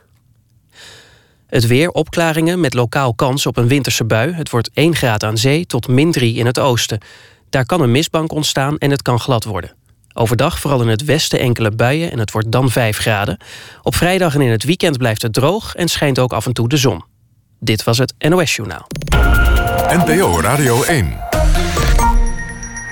VPRO. Nooit meer slapen.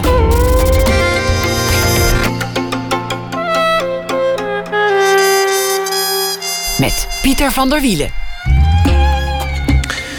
Aandacht zometeen voor de nieuwe film van Charlie Kaufman, Anomalisa. De Oscar-genomineerde animatiefilm die morgen in de Nederlandse bioscoop zal draaien.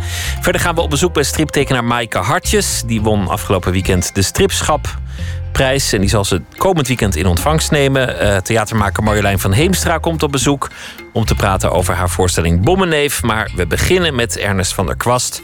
Hij is romanschrijver en hij zal deze week elke nacht een verhaal schrijven over de voorbije dag. Hij is bekend van uh, de boeken Mama Tandori en zijn recente boek heet De IJsmakers. Ernest, goeienacht. Goeienacht. Voetbal.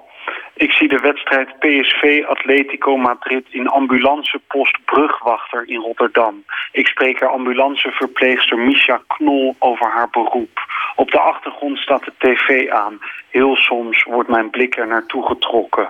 Houd je van voetbal? vraagt de ambulanceverpleegster. Ze is volgende week de gast in Rotterdam Late. Een talkshow die ik presenteer en waarin ik elke maand een ode mag brengen aan mooie mensen uit de stad.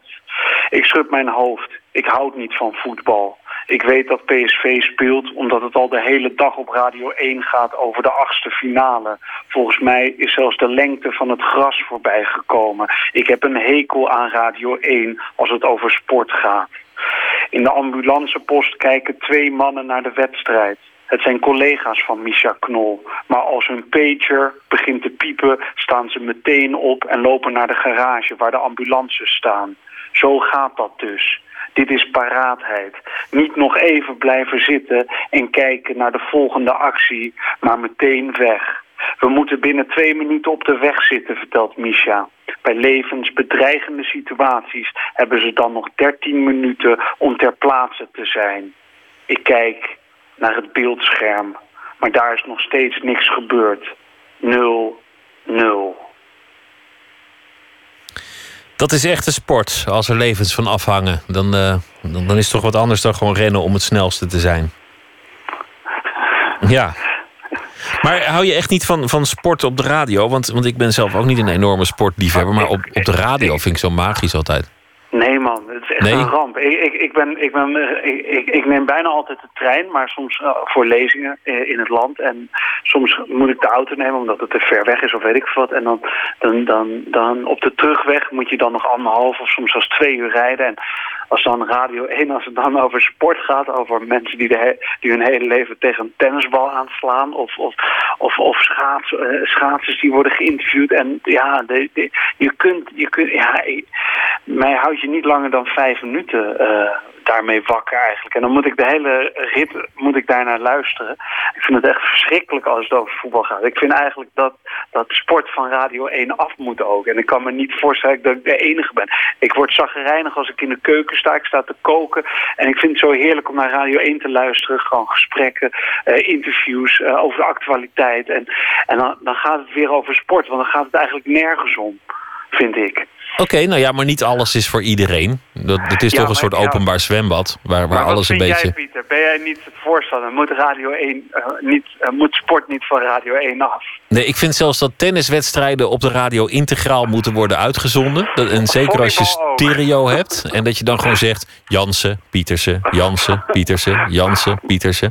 Dat, tennis op de radio, elke dag. Gewoon minder actualiteiten. We gaan gewoon alle sportwedstrijden tot aan volleybal gaan we gewoon integraal. Jansen, en wie was die andere speler? Ik Ja, weet ik het. Ja, ik, ben, ik, ben niet, ik weet er niet veel van, van sport. Maar, maar ik, Oké. eh, ik, ik, luister er toch wel graag naar op de radio. Maar goed, we, we verschillen van mening. Dank voor je verhaal en eh, een, een goede nacht. En morgen weer een verhaal. Ja, Dus nou, goed aan Marjolein. Ik ga naar haar voorstelling eh, binnenkort in Rotterdam. moet je zeker doen. Het is een prachtige voorstelling. Wel te Oké. rusten. Ik- Zeker. Groetjes, hoi. De Britse zangeres Liana La Havas bracht vorig jaar het album Blood uit. En nu is er Blood Solo. is een EP waarop ze een aantal van die nummers nog eens dunnetjes overdoet. Maar dan solo en zonder alle instrumenten. Maar met alleen een akoestische gitaar. Zoals bijvoorbeeld eh, dit stuk Green and Gold.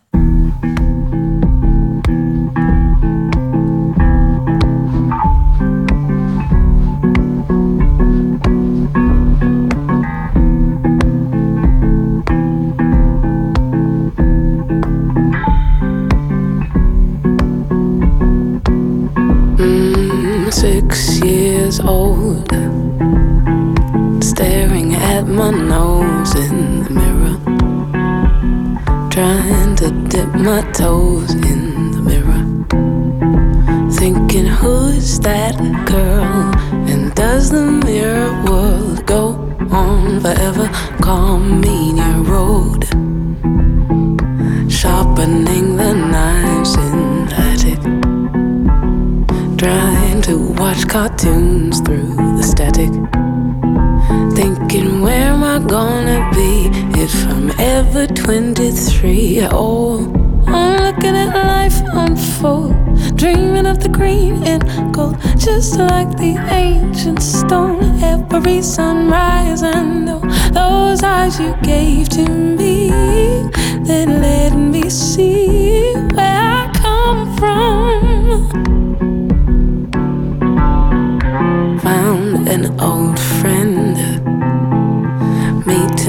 guitar in the city. Feeling like a star in the city. And suddenly it seems that I'm where I'm supposed to be. Oh and now I'm fully grown. And I'm seeing everything clearer. Just sweep away the dust from the mirror. We're walking hand in hand on the warm white sands. I'm looking at life unfold, dreaming of the green and gold, just like the ancient stone. Every sunrise, I know those eyes you gave to me that let me see where I come from. Ancient stone,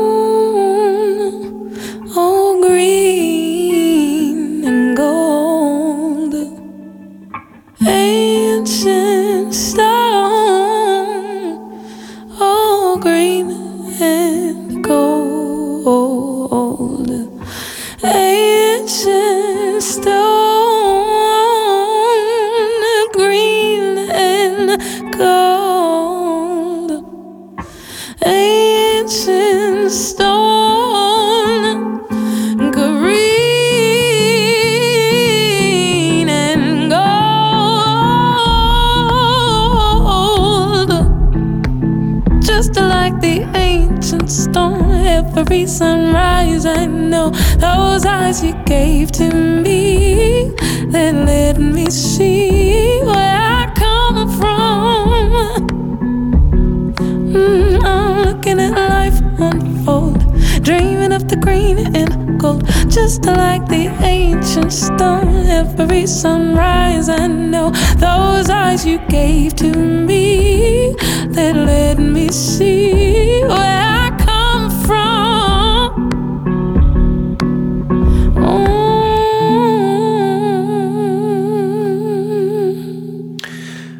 Liana La Havas was dat met Green and Gold. Nooit meer slapen. De Stripschapprijs is de jaarlijkse oeuvreprijs voor een striptekenaar of tekstschrijver die zich verdienstelijk heeft gemaakt voor het Nederlands beeldverhaal. De prijs wordt komende zondag uitgereikt tijdens de stripdagen te Rijswijk.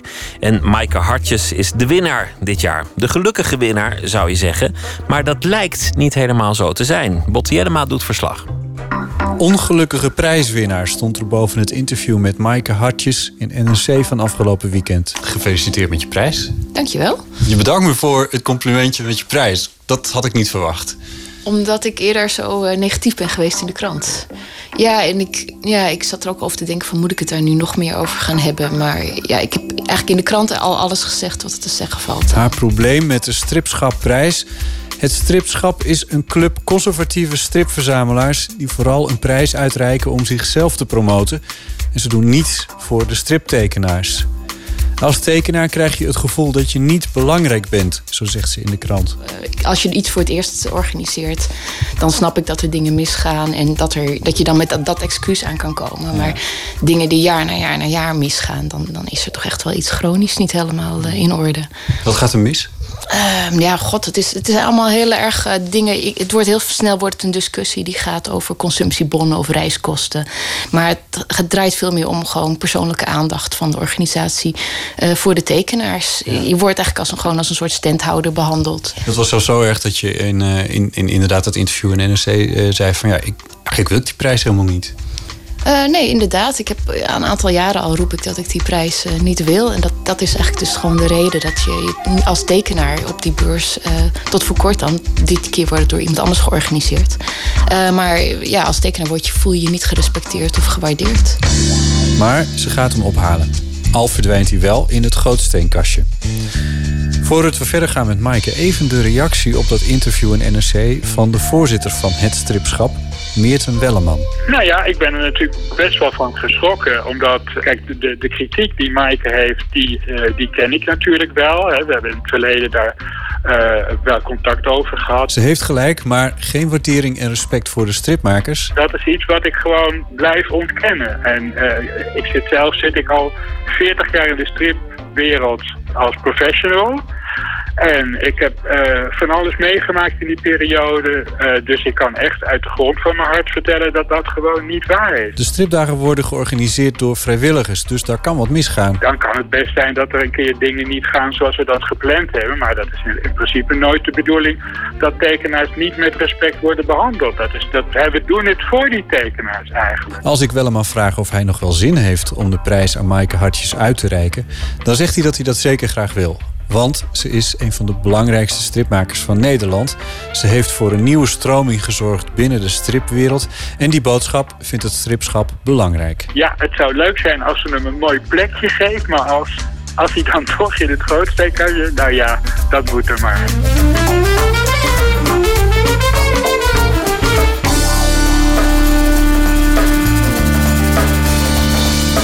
Ik vind het zo jammer, want in hetzelfde interview zei je ook van... vroeger droomde ik ervan. Ja, ja, ik vind het ook jammer eigenlijk. En, en daarom wil ik ook nu eigenlijk gewoon stoppen met klagen erover. En ook gewoon eh, ja, blij zijn met de prijs. En, en de, Maar je zet het- hem in het grootsteenkastje, zeg je in NRC. Ja, nee, maar ik was heel boos op die dag dat ik het interview gaf. En toen kwam al die frustratie van al die jaren kwam er allemaal uit. En ja, nu, dat is, ja, ik heb gezegd wat ik te zeggen had. En ja, ja en ik vind het ook gewoon, nu denk ik van, hef, domme, ik heb een prijs gewonnen. Mag ik dat zeggen? Verdomme. Het is een VPRO, dan mag wat meer. Oh ja. ja, ik heb verdomme een prijs gewonnen. Eh, ik wil er blij en trots eh, ook mee zijn. Ja, over zijn, ja. Nou, hartstikke goed. Dat moet je zeker zijn volgens mij. Ondertussen eh, zegt het misschien wel iets, je frustratie... over hoe de Nederlandse stripwereld eh, in elkaar eh, steekt. Daarover nadenken kwam ik er een klein beetje bij uit... dat er misschien wat te weinig trots is. Op twee manieren. Trots eh, van de, de lezers, eh, vanuit het publiek... op de Nederlandse stripmakers... die best wel eh, internationaal best wel wat betekenen. Eh, en misschien ook trots bij de stripmakers zelf op hun werk.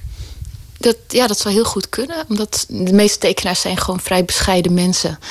En het heeft ook wel te maken met de geschiedenis van de strip eh, zelf. Het- We hebben natuurlijk een geschiedenis waarin... eh, we- een strip was vroeger pulp voor kleine jongetjes. En het is nu gewoon wel gegroeid tot literaire hoogtes. Maar ja, de, het idee is nog steeds iets van... oh, strip, ja, Donald Duck, Suske en Wiske. En het begint langzaam wel te veranderen. Het is al een stuk beter dan zeg vijf jaar geleden. Maar nog steeds, eh, ja, zoiets, als je echt een literair boek schrijft... dan is zoiets van wauw, eh, eh, dat heeft echt aanzien. En, maar strips hebben niet zoveel aanzien. Is dat, is dat, voel, voel jij dat ook zo op die manier? Ja, ik kijk eigenlijk heel erg breed tegen het hele medium aan. Dus ik ben het er gewoon absoluut niet mee eens. Ik vind het heel jammer dat, dat mensen dus nog steeds bij strips denken aan gewoon een album van ja, Donald Duck of zo.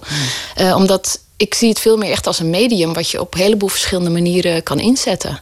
En dat vind ik wel heel erg leuk dat dat steeds meer gebeurt. Met, met ehm, ja, journalistieke strips bijvoorbeeld. Maar ja, eigenlijk een strip is voor mij gewoon een, het vertellen van een verhaal in plaatjes. En, en dat is dan gewoon een soort medium wat je overal voor kan gebruiken. Maaike krijgt de Oeuvreprijs op haar 43ste. Dat is opmerkelijk. En opmerkelijk is ook dat ze al vijf jaar geen album meer heeft uitgegeven. Dat kwam onder meer door een burn-out. Ze had te hard gewerkt. Eerst kon ze even niets, maar zodra het weer lukte om wat tekeningen te maken, ging ze een dagboek bijhouden. Over het hebben van een burn-out. En dat is dus nu een, een boek van meer dan 200 pagina's geworden. Ja. ja. Ja, nee, ik had het ook zelf nog niet eens verteld tot aan mensen. Dat, ja, je, het is toch wel een beetje dat je je ja, niet echt schaamt, maar wel dat je denkt van shit, ik wil niet dat mijn opdrachtgevers een, een verkeerde indruk van me krijgen als ik gewoon een half jaar niet kan werken. Dus ik heb het heel erg stilgehouden. Um, maar ik heb nee, natuurlijk wel gewoon um, de afgelopen jaren ben ik heel actief ook als, als voorzitter van de beroepsvereniging geweest. En het is niet dat ik de afgelopen vijf jaar verdwenen ben uit de stripwereld. Dus ja, het voelt wel raar dat ik inderdaad denk van, oh ja, waar krijg ik die prijs voor? En een oeuvreprijs op je 43ste is toch ook wel dat je denkt van, nou ja, dat, uh, ik, ik ben nog niet van plan om te gaan stoppen. Ja. Ik wil nog iets meer weten over dat boek, want uh, je hebt op uh, Facebook, waar je ook heel actief bent, heb je een paar foto's gezet. Dat, zijn, dat is een deel uit het, uit het boek? Ja, ik heb een paar, een selectie, kleine selectie gemaakt. Iets van tien pagina's heb ja. ik op Facebook gezet. Ja.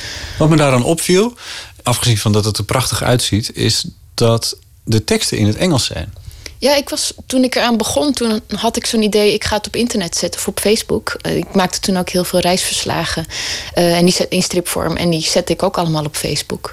En dat deed ik gewoon in het Engels, want het is gewoon, uh, gewoon de voertaal. -hmm. Is dat niet stiekem ook een manier om uit die Hollandse bescheidenheid kunnen breken? Oh ja, misschien wel, ja. ja het is, je moet ook wel hoor. Want ik bedoel, vroeger stond er in elke tv-gids of zo stond er wel een strip. Maar tegenwoordig is, is ja, overal zijn striptekenaars wegbezuinigd. Striptekenaars hebben het eigenlijk financieel gezien dan heel erg moeilijk op dit moment. Altijd al, maar nu nog moeilijker. Uh, dus dan ga je toch ook wel op online kijken van wat zijn er nog meer voor mogelijkheden. En moet je moet je, je eigenlijk gewoon als tekenaar wel uh, internationaler gaan richten.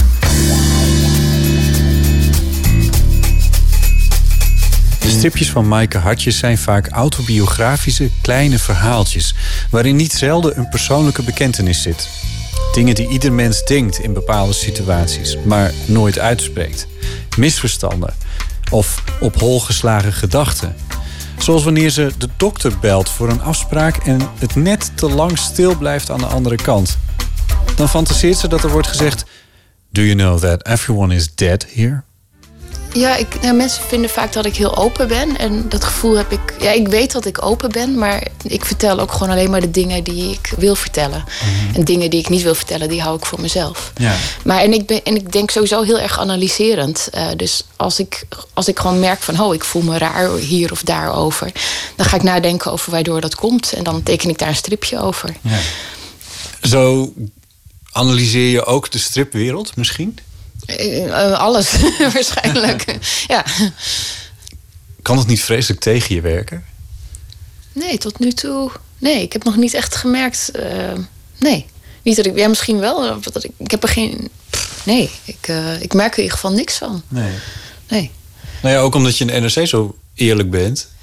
Ja, en het grappige is wel dat, nou ja, natuurlijk, het stipschap was er niet blij mee. Maar al mijn collega's, eh, die kwamen allemaal naar me af van, eh, wat goed. En eindelijk zeg je eens de waarheid. En eh, eindelijk eens een keertje.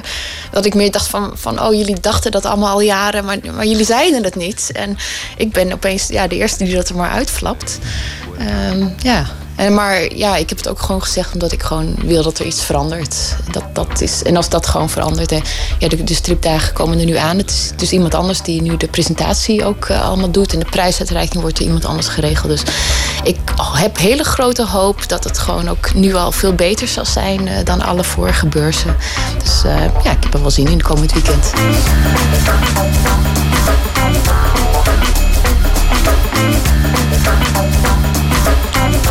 Jellema, die sprak Maaike Hartjes en dat is de winnares van de Stripschapsprijs.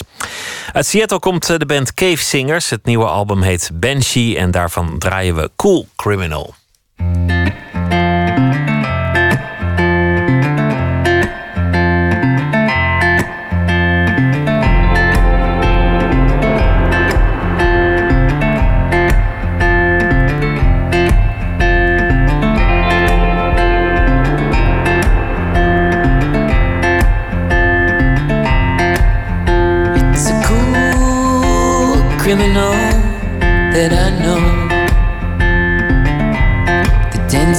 Front of me, the dances in my window. And if the quick, quick dream of night is hiding inside, on the sunny side, on the sunny side of things is where I want to live.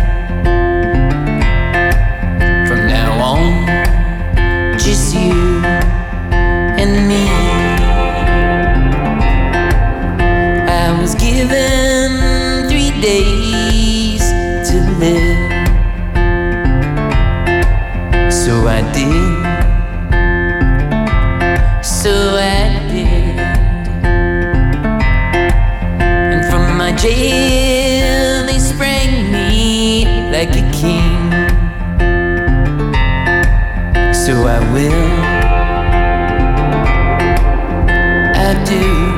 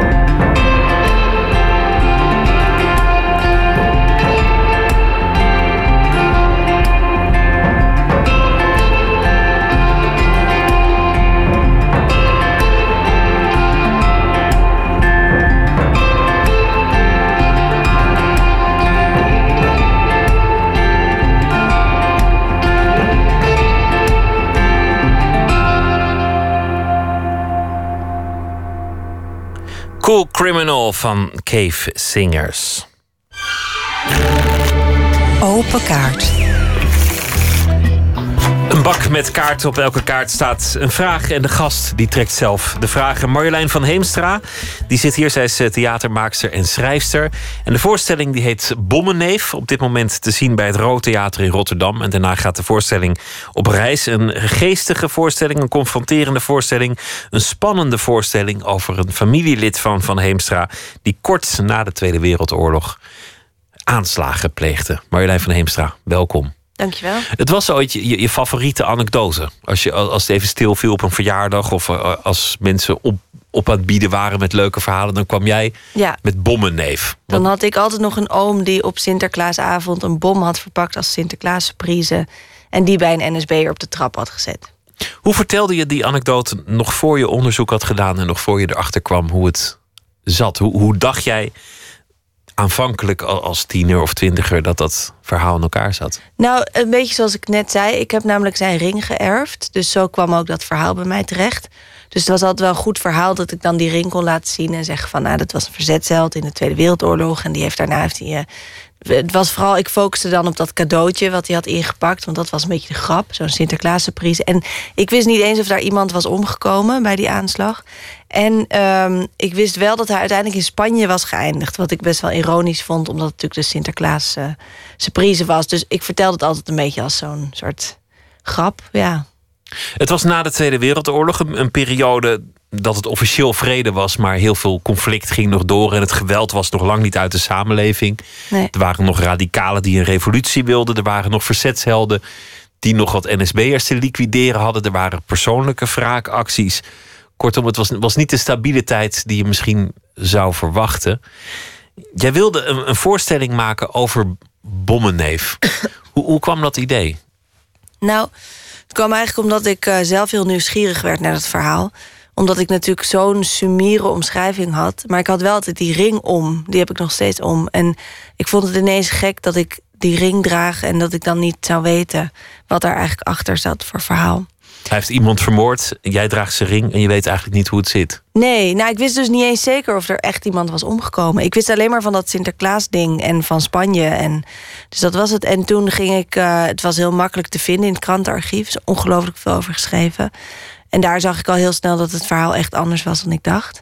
Heb Maar je die ring om trouwens op dit moment? Ja, ik heb hem nog steeds om. Mag, ja. mag ik hem zien? Oh ja, Ja. Oh, het, is, het is ook echt een, Ja, het is een mannen pinkring eigenlijk. Hele het is een, mooie, een mooie ring. Je bent hem blijven dragen. Ja. Ondanks dat je, dat, dat je erachter kwam dat het allemaal minder schoon was Mhm. dan je had gedacht. Misschien moet je niet alles vertellen om, om de voorstelling niet helemaal weg te Nee. geven. Maar het is niet de held waar, waar je op had gehoopt. Nee.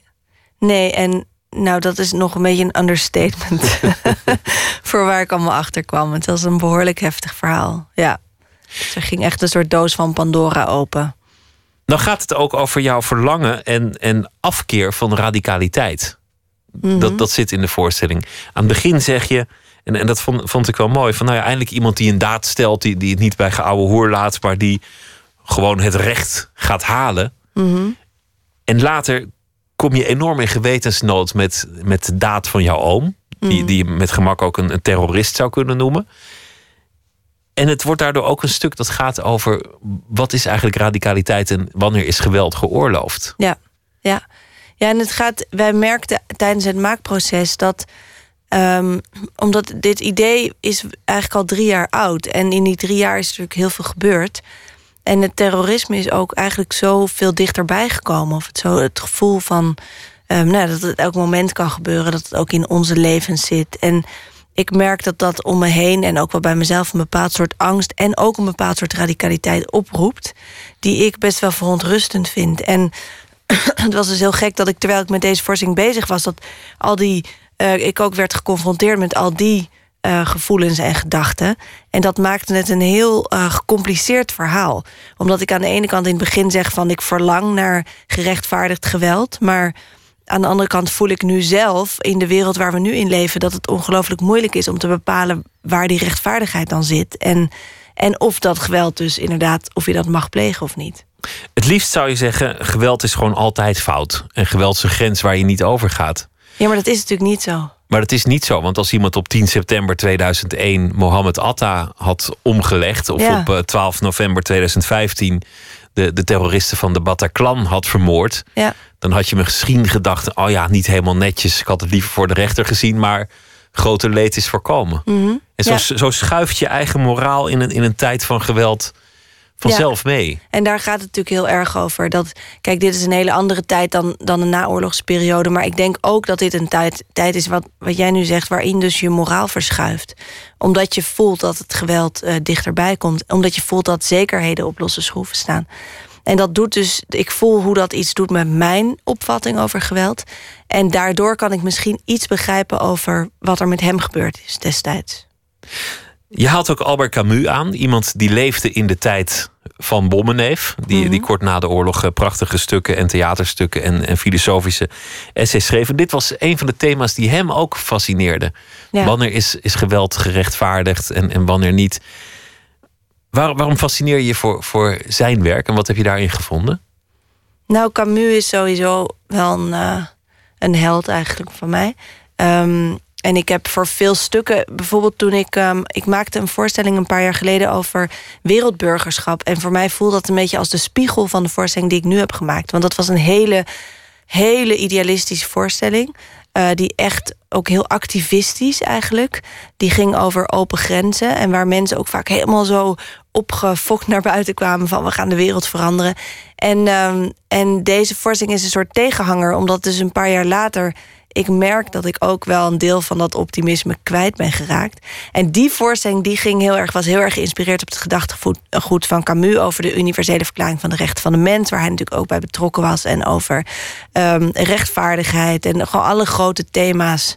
eh, tolerantie, de absurditeit van het bestaan, maar ondanks die absurditeit in, het in verzet gaan tegen, nou, wat je, wat je tegen alles eigenlijk, of, of in opstand komen. Kortom, heel veel, heel veel thema's die toen speelden en nu op een heel andere manier weerspelen. En, en de voorstelling Bommenneef gaat, gaat daarover. Laten we beginnen met die kaartjes, want eh, Ja. daar liggen ze voor.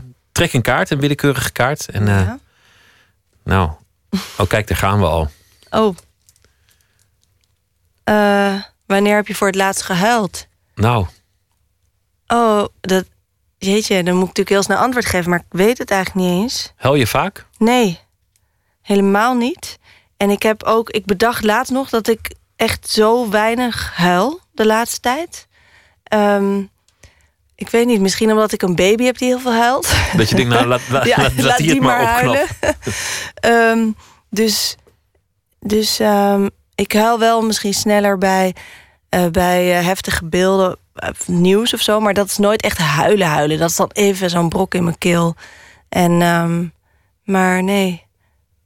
Maar je noemt, eh, je noemt saai meteen antwoord. twee potentiële momenten. Namelijk, je hebt een baby Ja. bij de geboorte. Dat, dat lijkt me een heel groot en maar- emotioneel ja, dat is waar. moment. Ja, toen heb ik wel heel hard gehuild daarna. Vooral een week later of zo, toen ik dacht... oh mijn god, dit is nu mijn leven.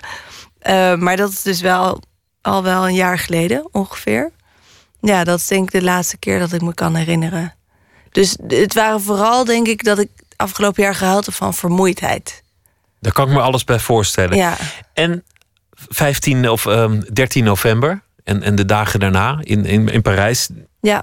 Dat soort momenten, die beelden, maar ook eh, een dik jaar geleden de, de aanslag op Charlie Hebdo. Dat zijn natuurlijk Ja. ook momenten dat je misschien niet echt helpt met tranen, maar, maar dat je adem echt stokt. Ja, daar, daar heb ik heel erg last van gehad. Zeker, ik had het natuurlijk, die, die aanslag nu was afschuwelijk ook, maar die eh, aanslag op Charlie Hebdo was voor mij misschien nog heftiger, omdat ik toen net bevallen was. En dan ben je sowieso een beetje, zit je als een soort open wond met je baby thuis.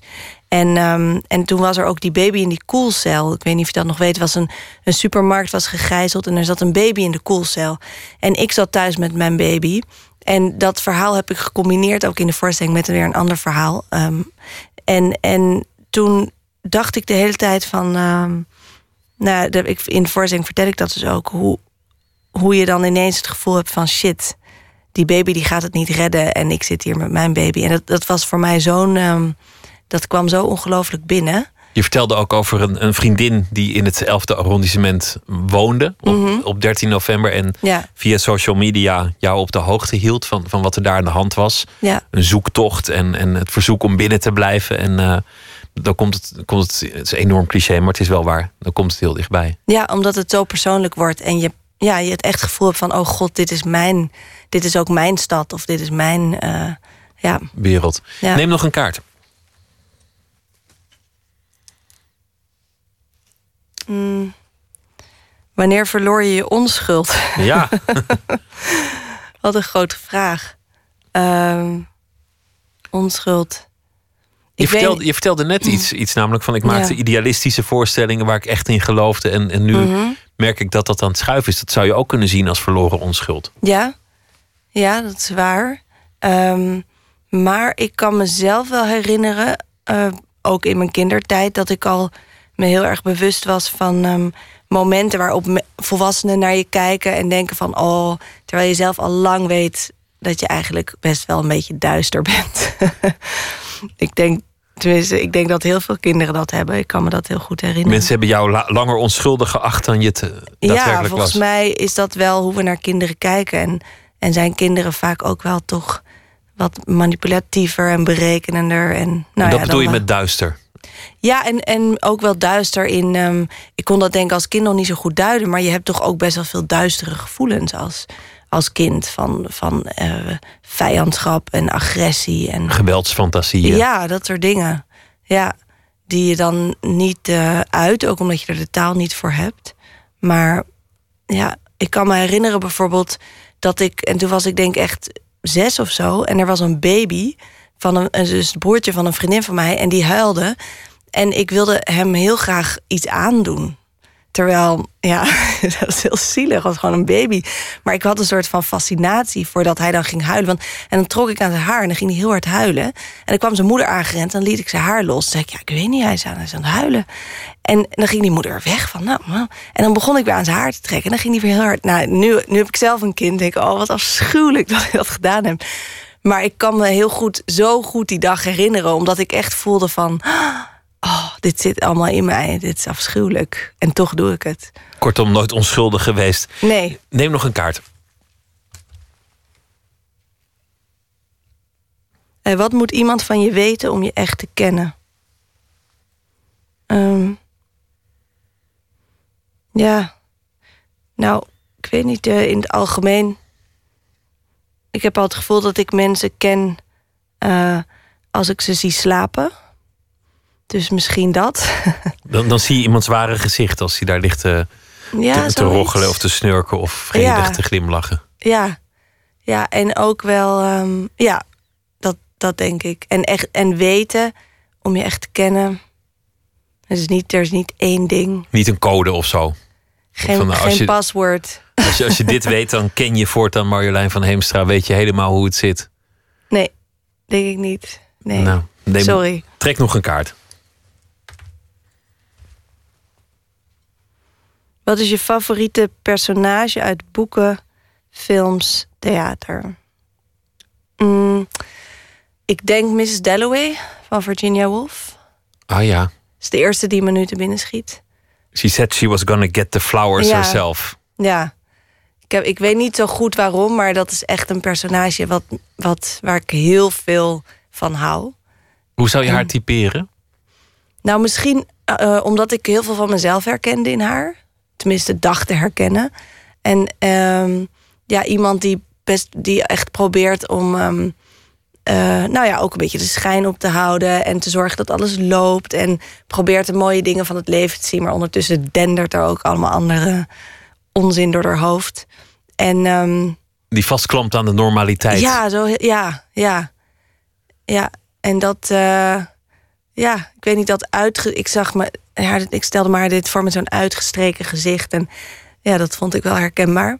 Maar ehm, ze heeft ook iets...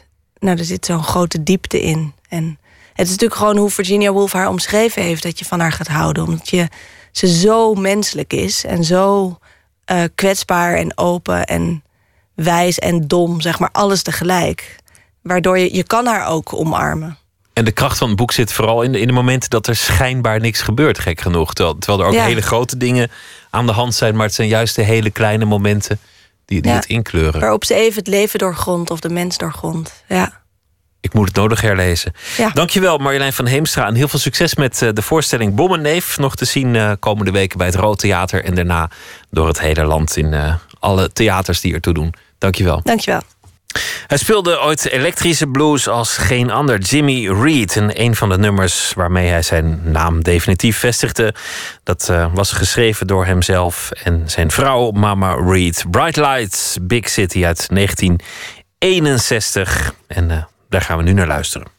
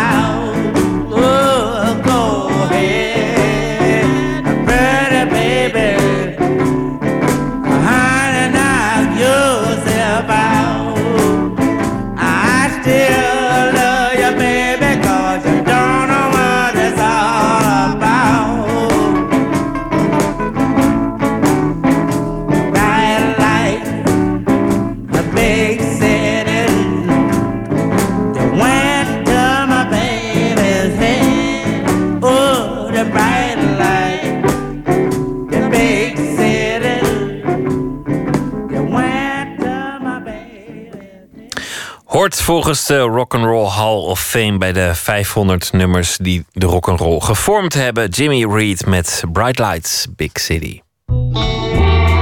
Nooit meer slapen. Remember, there is someone out there for everyone. I think you're extraordinary. Why? I don't know yet. It's just obvious to me that you are. De trailer van Anomalisa. En dat is de nieuwe film van Charlie Kaufman. Nachtcorrespondent Tom Klaassen. Charlie Kaufman. Wie was het ook alweer? Een, een bekende regisseur, maar waar kunnen we hem ook alweer van kennen? Ja, het is een, een tamelijk neurotisch eh, wonderkind, in ieder geval geweest. Eh, hij is bekend geworden als filmschrijver, Being John Malkovich, Adaptation, dat soort films. En een paar jaar geleden sloeg hij aan het regisseren. En dat eh, ging eigenlijk een beetje mis. Hij maakte Schenectady, New York, een eh, film met eh, Philip Seymour Hoffman. Heel goed ontvangen. Grote cult following, maar sloeg geen deuk in een pakje boter. Was echt een financiële ramp. En daardoor kwam Kaufman eigenlijk nauwelijks nog aan de bak als regisseur. Nu is er dan Anomalisa. Dat is ook door Kaufman geregisseerd. En met ongeveer een half miljoen dollar deels door crowdfunding betaald. Dus een beetje de Hollywood-machinerie omzeild. Nou, laat ik heel even kort beginnen met het verhaal. Ik heb de film een paar uur geleden gezien. En volgens mij gaat hij over de sneuheid die zit in het voorbijgaan van verliefdheid. En over de saaiheid van een burgerlijk leven en gedoe rondom sociale conventies. Nou, dat zijn grote thema's. Verpakt in eigenlijk een beetje een uh, clichématig midlife crisis-achtig verhaal. Waarover ik niet al te veel zal verklappen. Maar wat belangrijker bij deze film is, is dat het niet zozeer om het verhaal gaat, maar om de vorm en de sfeer die met die vorm opgeroepen wordt. En wat is, die, wat is die vorm en welke sfeer wordt daar mee uh, opgeroepen? Nou, dat is een uitstekende ja, vraag. Hoe kom ik erop? Hè? Ja, ja nee, het is een, het is een stop-motion film. Een uh, poppenfilm. Met uh, een film die beeldje voor beeldje geschoten wordt. 24 beeldjes per seconde. Uh, en animatoren die schuiven millimeter voor millimeter met objecten en poppen en maken daar foto's van. En zodoende komen levenloze objecten tot leven. Monnikenwerk. Zeker in dit geval, want deze film is levensecht gemaakt. De Nederlandse stop-motion animator Patrick Raats die legt even de voordelen van deze manier van filmmaken uit. Je kan een object dus eigenlijk iets laten doen wat in een live-action film nooit zou kunnen. En daar kan je natuurlijk heel erg mee spelen. Dat je daar uh, een kijker heel erg mee kan verwonderen of verbazen. Of ja, je kan mensen op het verkeerde been zetten. Dus het is, het is, is eigenlijk een soort trucage.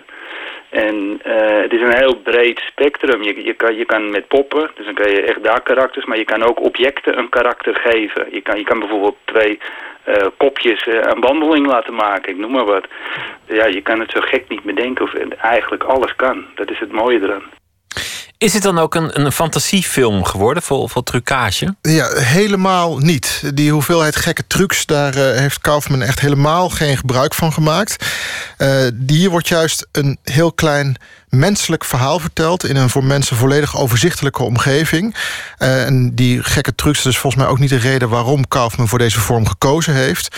Maar er is wel het een en ander aan de hand. Want die werkelijkheid die komt heel dichtbij... maar toch enigszins gekanteld. Omdat alles er zo ontzettend normaal uitziet. In een hotelkamer hangt een föhn aan de muur... en zo'n lullig foutje in een rol wc-papier. Auto's, straten, regen, taxis. Maar het is allemaal nep. En dat valt heel erg op. En die schijnwereld die lijkt heel erg op de onze. En dat heeft een heel erg vervreemdend effect. En hoe dichter het bij het echte leven komt... hoe raarder en hoe griezeliger het wordt volgens die Kaufman. Hij zegt in een interview dat het de meeste moeite gekost heeft... om bijvoorbeeld de ogen levensecht te lijken. Dat niet iedere pop dode ogen had. En dat is dus ook levensecht, maar toch fake. Wat was het voordeel van, van deze manier van werken... boven gewone acteurs... als het tenslotte toch gewoon gaat om een om gewoon alledaags aards verhaal. Ja, nou, een belangrijk praktisch punt is dat alle personages in de film precies hetzelfde gezicht en dezelfde stem hebben. Behalve de twee hoofdpersonages, Michael Stone en Lisa. Dat is een variatie op een psychische stoornis die Kaufman als uh, uh, inspiratie genomen heeft. Daar zal ik niet verder over uitweiden. Maar bij gewone cinema kan dat natuurlijk niet. Iedereen hetzelfde hoofd en dezelfde stem. Maar nog veel belangrijker is de vrijheid en de controle die Kaufman met deze manier van film maken heeft gekocht, zeg maar. En dat vervreemdende effect van daarnet en die controle, daar lijkt Kaufman het om te doen. Dit zegt hij in een interview met iemand van de Writers Guild of America dat ik op YouTube tegenkwam. And the thing that concerns me about about having directed and going on to the next thing is that I find myself thinking about things that a director needs to think about and a writer doesn't need to think about. And I'm trying to kind of um, remove those from my from my thought process. Things like pragmatism. I want to. I want my imagination to be able to continue to have um, as free a reign as I can allow it. So, um, if I've learned anything um, coming off of this as a director, is that I don't want to incorporate that into my writing. Dus het zorgt er eigenlijk voor dat hij niet is overgeleverd aan de elementen en het toeval. Exact, ja. Geen zin in het aannemen van een pragmatische houding... en geen zin in toeval. Uh, Kaufman en zijn co-regisseur Duke Johnson... die zijn bij iedere seconde van het uh, proces van het maken van deze film betrokken geweest. En je hebt helemaal niet te maken met uh, wispelturige acteurs of lastig licht. En die Kaufman die staat dus nogal als een uh, bekend. Dus die zal het wel prettig gevonden hebben. En ik moet zeggen dat het ook een hele bijzondere kijkervaring oplevert. Patrick Raats die, uh, vindt die afwezigheid van toeval trouwens minder prettig. Dat vind ik juist het mooie aan bijvoorbeeld live action. Daar kunnen op een set ook wel eens dingen gebeuren... die je van tevoren eigenlijk niet verwacht had of niet zo kon bedenken. En dat vind ik juist het mooie aan de combinatie van stop motion. Dat je, uh, je hebt alles in de hand... Maar ik vind het ook heel mooi om ervoor open te staan. Om op de set kunnen er ook dingen gebeuren. Weet je, het licht kan misschien net op zo'n manier vallen. Dus als je je camera dan net even anders zet, dat het iets heel interessants kan opleveren. Want aan de ene kant wil je alles onder controle hebben. Maar aan de andere kant is het ook, vind ik juist heel prettig om dat er ook dingen niet onder controle zijn is veel voor te zeggen, maar als ik je goed begrijp... is dat dus niet de, de mening van Kaufman. Nee, helemaal niet. Nee, Zadie Smith die heeft er een essay over het werk van Kaufman geschreven... in de New York Review of Books. En die zei, alle Kaufman-films gaan op de een of andere manier over lijden. Over de onvermijdelijkheid ervan, de beleving van lijden... de redding, meestal door een vrouw. En de teleurstelling die daarop volgt. Nou, daar gaat deze Oscar-genomineerde film ook over. Maar ik denk dat het verhaal niet half de slagkracht had gehad... wanneer Kaufman niet die controle had genomen... en er een gewone film van had gemaakt. Anomalisa, de nieuwe film van Charlie Kaufman en Duke Johnson... vanaf morgen te zien in de Nederlandse bioscopen. Tom Klaassen, dankjewel. Goeienacht. Hij komt uit uh, Australië, Perth om precies te zijn. Elektromuzikant Taco Matthews werkt samen met uh, allerlei zangers. En in dit geval een cover van Estelle met Kanye West. En dat doet hij samen met een piepjonge zangeres, ook uit Australië, Wafia. We gaan luisteren naar American Girl.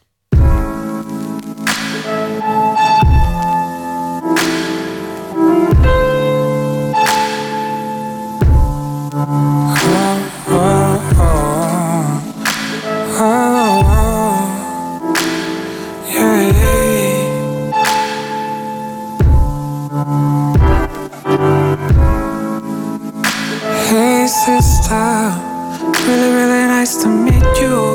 I just met a five for something girl who's just my type. Like the way she's speaking, confidence is peaking. I don't believe in sights, but I like what I'm seeing. Girl, I've been to MIA. Cali never rains, New York just stays awake.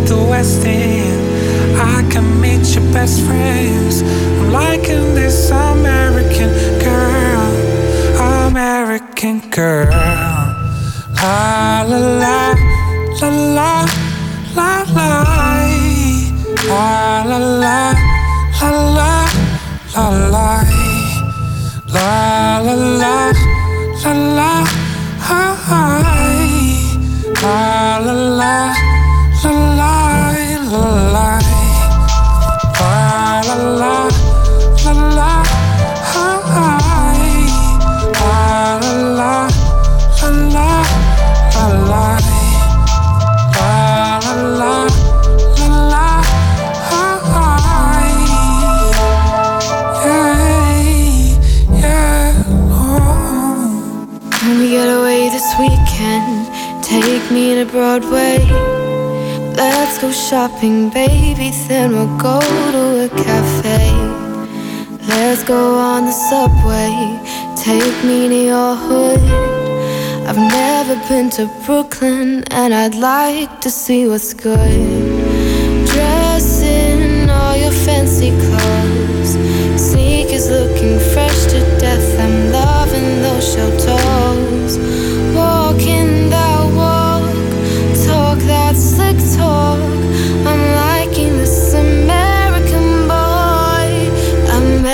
American boy. La la la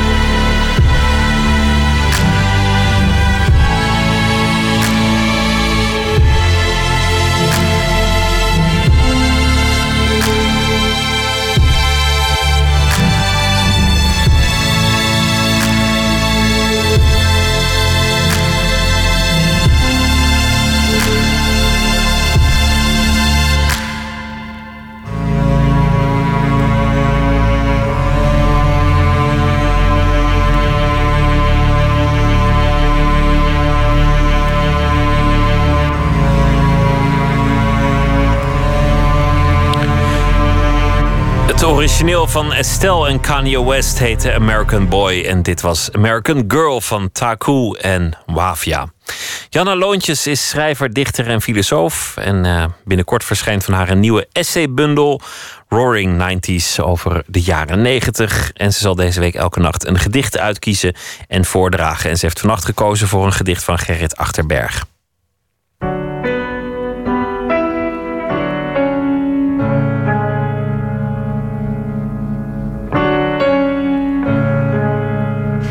Achterberg is echt een dichter die mij de poëzie heeft uh, Het is dus echt een, een, een dichter die uh, ik als middelbare schoolscholier ontdekte.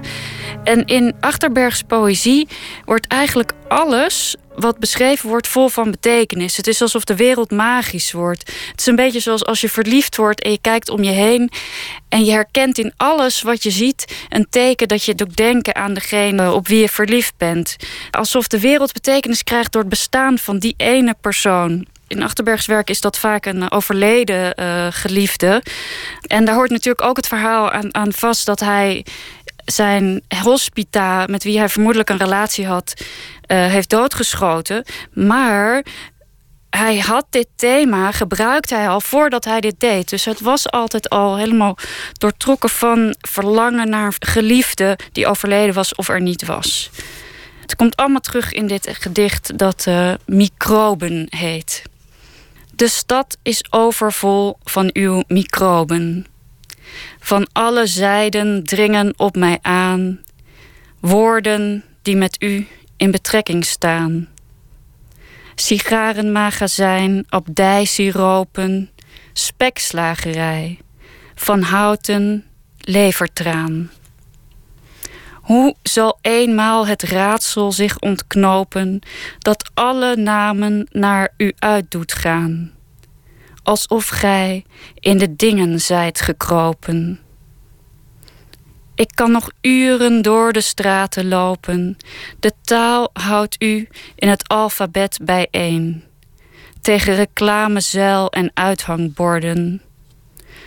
De doden spreken nimmer meer, maar worden artikelen die wij in winkels kopen voor een fluistering over de toonbank heen. Microben van Gerrit Achterberg, een gedicht voorgelezen door Janna Loontjes. Morgen in Nooit meer slapen komt acteur en regisseur Marcel Hensema langs. Hij speelde in heel veel films, Wild Romance, Simon, heel veel televisieseries, Pleidooi, Penosa, Hollands Hoop. En hij is ook eh, te zien in Knielen op een bed violen. De verfilming van het boek van Jan Siebelink, die deze week in première is gegaan.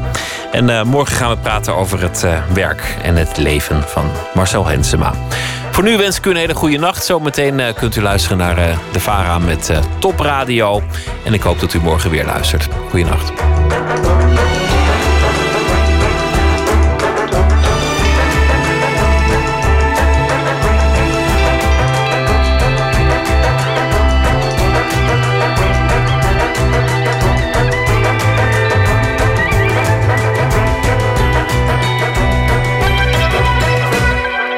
Radio 1, het nieuws van alle kanten.